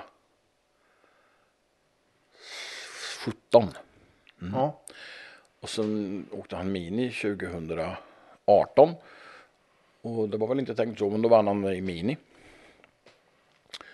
Och sen så tog vi ett rätt snabbt steg ut upp i storkart som man säger, alltså den stora chassit. Och då blev han trea i RM hette det det året i juni 125 2019 för att vinna SM i sina 125 2020. Eh, så. Det kan man kalla om raketkarriär skulle jag säga. Ja, det gick rätt bra. Um, um, jag kommer ihåg, jag var på någon sån här konferens och, och, och pratade med karting och de gnällde så mycket, det var mycket gny och gnäll över att de plockade motorer för det var besvärligt och, och i teknisk kontroll. Men um, de plockar alltså motorn på kutym att man plockar isär motorn ganska rejält på ettan, tvåan, trean. Ehm, så att i över två och ett halvt år så plockade jag isär motorn varje tävling för Junior. Eh, så. För att eh, han var där hela tiden. Så, så det, det, eh, gängarna gick lätt kan jag säga och packningsklister var inte att tänka på för att det skulle ju ändå så här helgen därpå så det var så. Man lärde sig det där rätt bra. Mm. Nej och sen, eh, sen eh, du var inne på racing där också. Eh, vi hade absolut en ambition och försökte på um, ambitiösaste sätt att i år vinna, eh, eller vinna, men alltså sikta högt i SM i senior 125. För han har klivit upp där ändå. Han är ju för ung egentligen, men han, han vill tävla. Han vill inte vara, åka junior längre, han vill åka senior. Um, vi var i Frankrike och förberedde oss och så var vi i Rasbo och åkte SM. Han blev 14 men, men han hade en, en stolpe ut i ett hit så det, det, var inte, det var inte hans eh, helg då. Men um, det som också hände förra vintern är också lite osvenskt. Eh, Det finns en annan gammal rallyåkare hemma i Östergötland som heter Bo Bossing Karlsson. Många känner igen honom. Du kan nog googla honom på EBRC också ska du se så hittar du också lite på åkande och lite tidigare. Han har varit utomlands och åkt. Och, eh, sådär snabb lokalåkare med, med bra SM-positioner men framförallt eh, många totalseglar hemikring och hit upp och så vidare. Eh, vi har känt varandra jättelänge. Vi har inte varit kompisar så men vi har känt varandra. Han ringer en decemberdag och frågar lite grann vad, vad, vad vi ska göra och sådär. Jag tänkte, men varför frågar han det?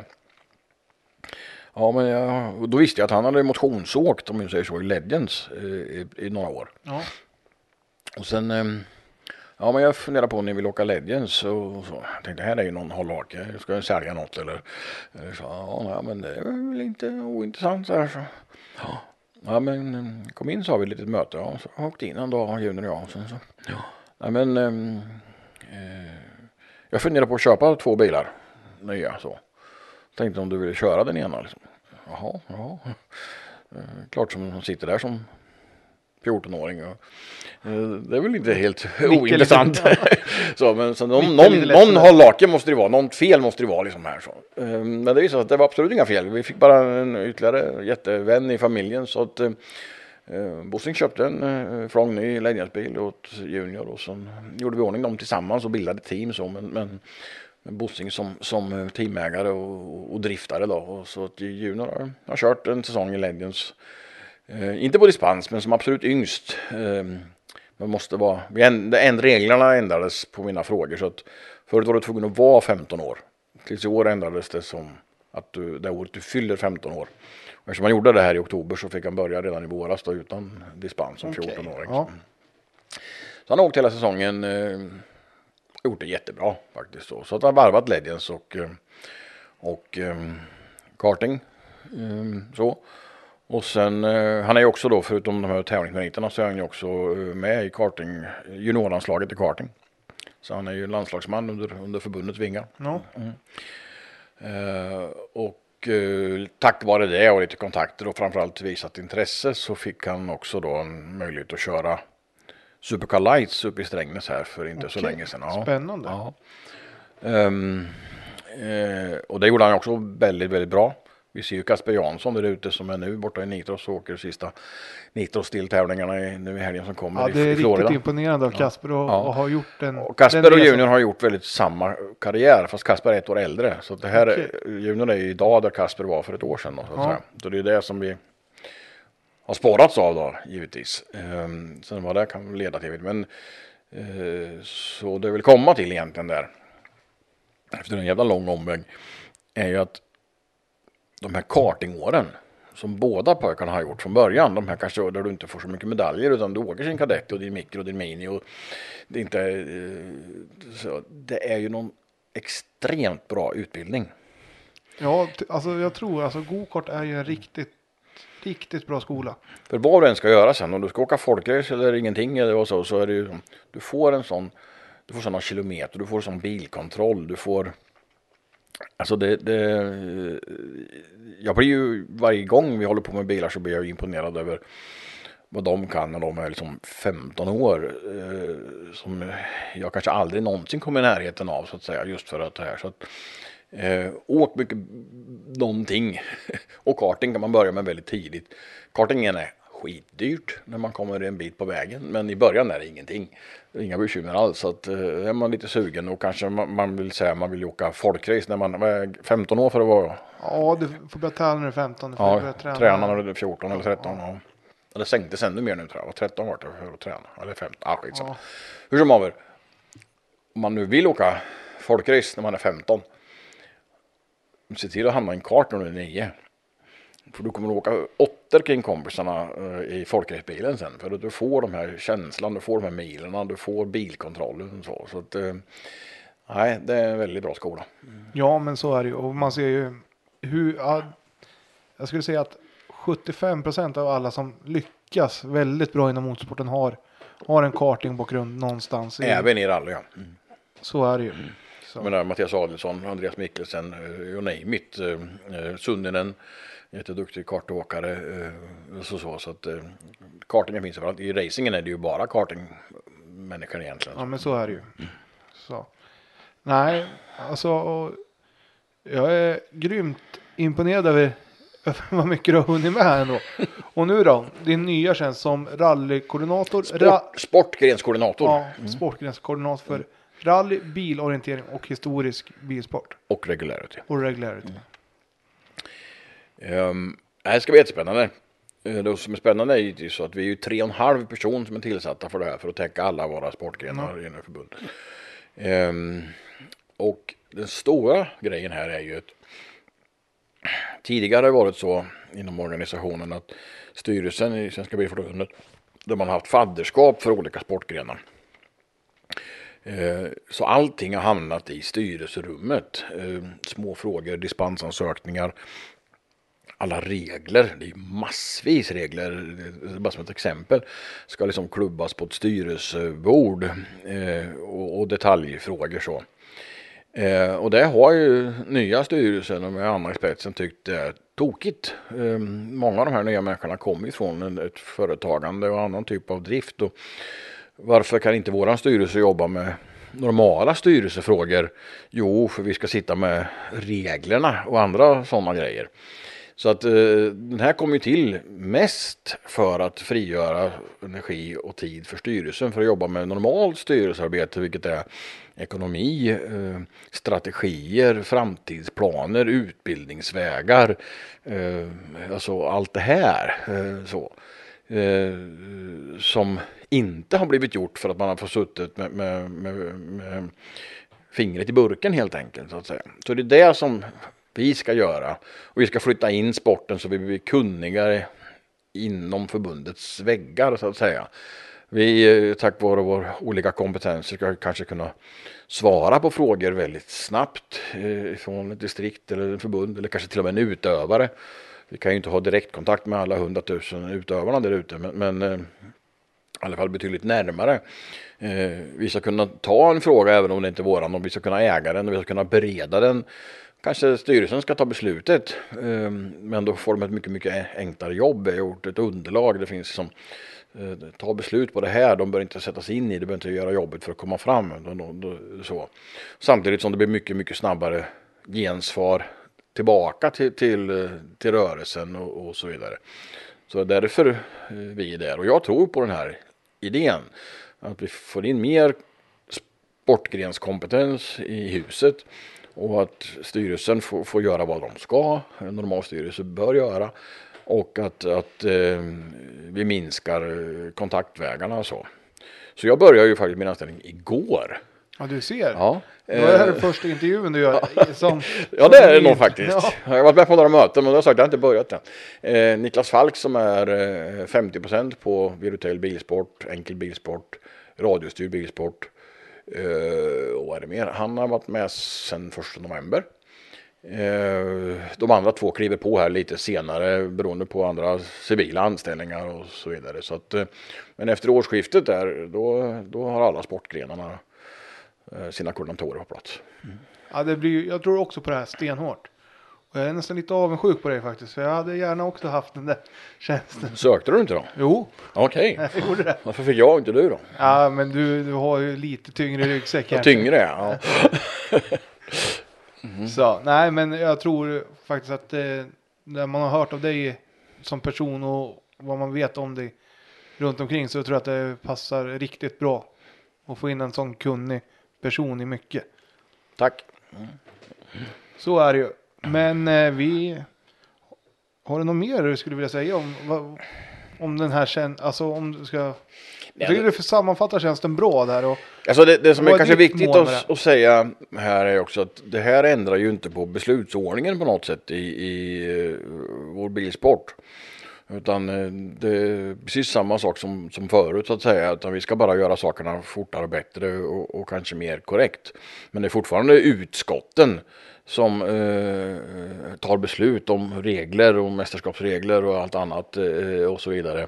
I rally till exempel så har vi ju en promotor idag, eh, Svenska rallymästerskapen, som, som har ett avtal på flera år. Och, och eh, Eh, annars, så att det är inte så att de här sportgrenskoordinatorerna ska komma in och, och göra till exempel en promotorsjobb eller, eller ersätta ett utskott eller så. Men däremot kunna underlätta även för utskottet kunna kunna liksom bereda en fråga kanske, kunna, vara, kunna göra ett jobb åt ett utskott eh, som är svårt annars. Bara vara en fördel att vi kan vara vi kan vara liksom tillgängliga i tjänst eh, mellan eh, 7 och 17 och vi kan gå och åka på ett möte mitt på dagen med en myndighet som kanske är svårt att, och hantera som, som ideell kraft eh, med, med jobb på dagarna och så vidare. Så att det, det finns ju även den typen. Men just eh, beslutsordningen är oförändrad så att det är inte så att det här ska tas några beslut utan vi ska bara göra det bättre för andra som tar besluten. Ja men det låter ju, alltså jag, tror jag tror också på det här och med den positiva tongång som var under sportgrenskonferenserna så tror jag verkligen att vi har en väldigt ljus framtid för svensk bilsport. Det är bara att de flesta ska dra åt rätt håll, åt samma håll och inte sitta och gräva i gammalt groll eller sånt. Utan man måste se framåt och hoppas att det blir till det bättre. Ja, det var tv hade sett att- jag log när du sa det. Tänk om vi alla rallymänniskor, vi, vi kunde dra åt samma håll. Uh, vad starka vi skulle vara. Så. Det kommer aldrig hända. Vi är individualister och vi har alla våra grejer. Och det är väl också väldigt stor charm med det hela. Men, men ehm, jag skrev några eh, presentation eller någonting sånt. Kanske inte anställningsgrejer. Men jag skrev och då en, en rad som jag tyckte i all sin enkelhet var bra. Den kan man ta med sig. Då skrev jag så här att diskutera internt, le utåt. Eh, och bara fyra ord som jag tycker ändå sammanfattar just eh, rally. Vi, vi tjafsar lite för mycket och vi tänker inte på vem som ser och hör när vi tjafsar. Eh, och vi kanske eh, ser för sura ut utåt där. Så, utan, eh, de fyra orden, så diskutera internt, för det måste man göra, och le utåt. Så mm, tror jag vi kommer en bit på vägen. Eh, Jag är helt, helt på din linje där faktiskt. Så. Men eh, vi har ju några, Daniel är ju inte med idag tyvärr. Mina eh, poddkompis här. Mm. Men han har ju alltid samma frågor. Och det handlar väl mest om din tävlingskarriär. Okej. Så jag skulle vilja veta, vilket är ditt bästa tävlingsminne? Oh, det borde jag kunnat komma på. Ja, jag vill påstå att det är de där utlandsstarterna egentligen. Inga, men vi får säga där nere i Lada Boleslav då, Rally Bohemia 1992. Tror jag, eller något sånt. Där vi vinner, vi har skitskoj, eh, ännu roligare har servicen, det är massa konstiga minnen på vägen där. Och, nej, den, den får jag väl ta upp då. Mm. Ja, det är bra det. Då, sen har vi ju det här tråkiga, värsta tävlingsminnet. Jag har ju inte det. Alltså, jag, har ju, eh, det är ju, jag har ju aldrig rullat. Jättekonstigt. Eh, så, eh, visst, jag har eh, böglat in bil och, och haft hos plåtslagaren och sådär. Men eh, eh, jag har ju aldrig brutit för att jag kör av vägen. Så att, eh, jag har inga sådana värsta minnen. Men visst har jag, jo, nu, nu kommer jag på ett sånt. Återigen för det, här med som tävlingsmänniska.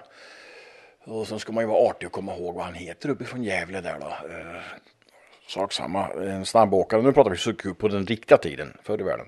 Vi åkte tävling i Gårdsva igen, eller Köping Nordström, eller eller? någonting. Ja, nej, Mik- Mikael Nordström eller något. nej. Nej. Mm, ja, eh, jag ber om ursäkt i förväg. Hur som haver då så var det liksom, det var ju återigen, när det var rörsignaler som var och sådana tidlappar som kom in en vecka efter och de fick läsa idrottsparet var 14 dag vem som hade vunnit. Eh, Men då jämförde man ju tider med varann och så skrev man upp och sådär. Och, och det var väl, jag tror det var sekundtidtagning, det var inte ens tiondel tidtagning på en vanlig lokaltävling. Eh, och vi hade en jättefight hela dagen.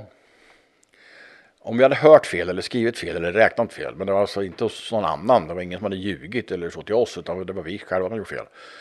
Så disponerade jag sista sträckan lite fel och fick stryk med en sekund. Okej. Och det, den där sekunden, den satt så hårt i mig. Jag var, jag var så besviken, jag var så ledsen så att jag kommer ihåg att mitt, mitt team runt omkring eh, mekar som Patrik och Jens och, och som har hängt med i alla år och Anders som åkte med. De sa så flera veckor senare, nu får du sluta prata om den där sekunden. Vi är trötta på den där sekunden, men den, den det var mitt värsta minne. Jag, jag, vi gjorde liksom, jag hade kunnat åka den där sekunden fortare, det var liksom inte problemet. Det var bara att vi gjorde, liksom, vi gjorde fel. Och då var vi en sekund efter, det var två. Det var skittråkigt. Det är då man tänker, jag skulle ha gjort som jag brukar, åka fullt. Kanske, i alla fall. Mm. Eh, om man tar garagetabbe då? Du pratade om att du var väldigt kärleksvänlig med dina ventiler och allting. Mm. Men någon tabbe du har gjort i garaget? Nej, väldigt få eller så.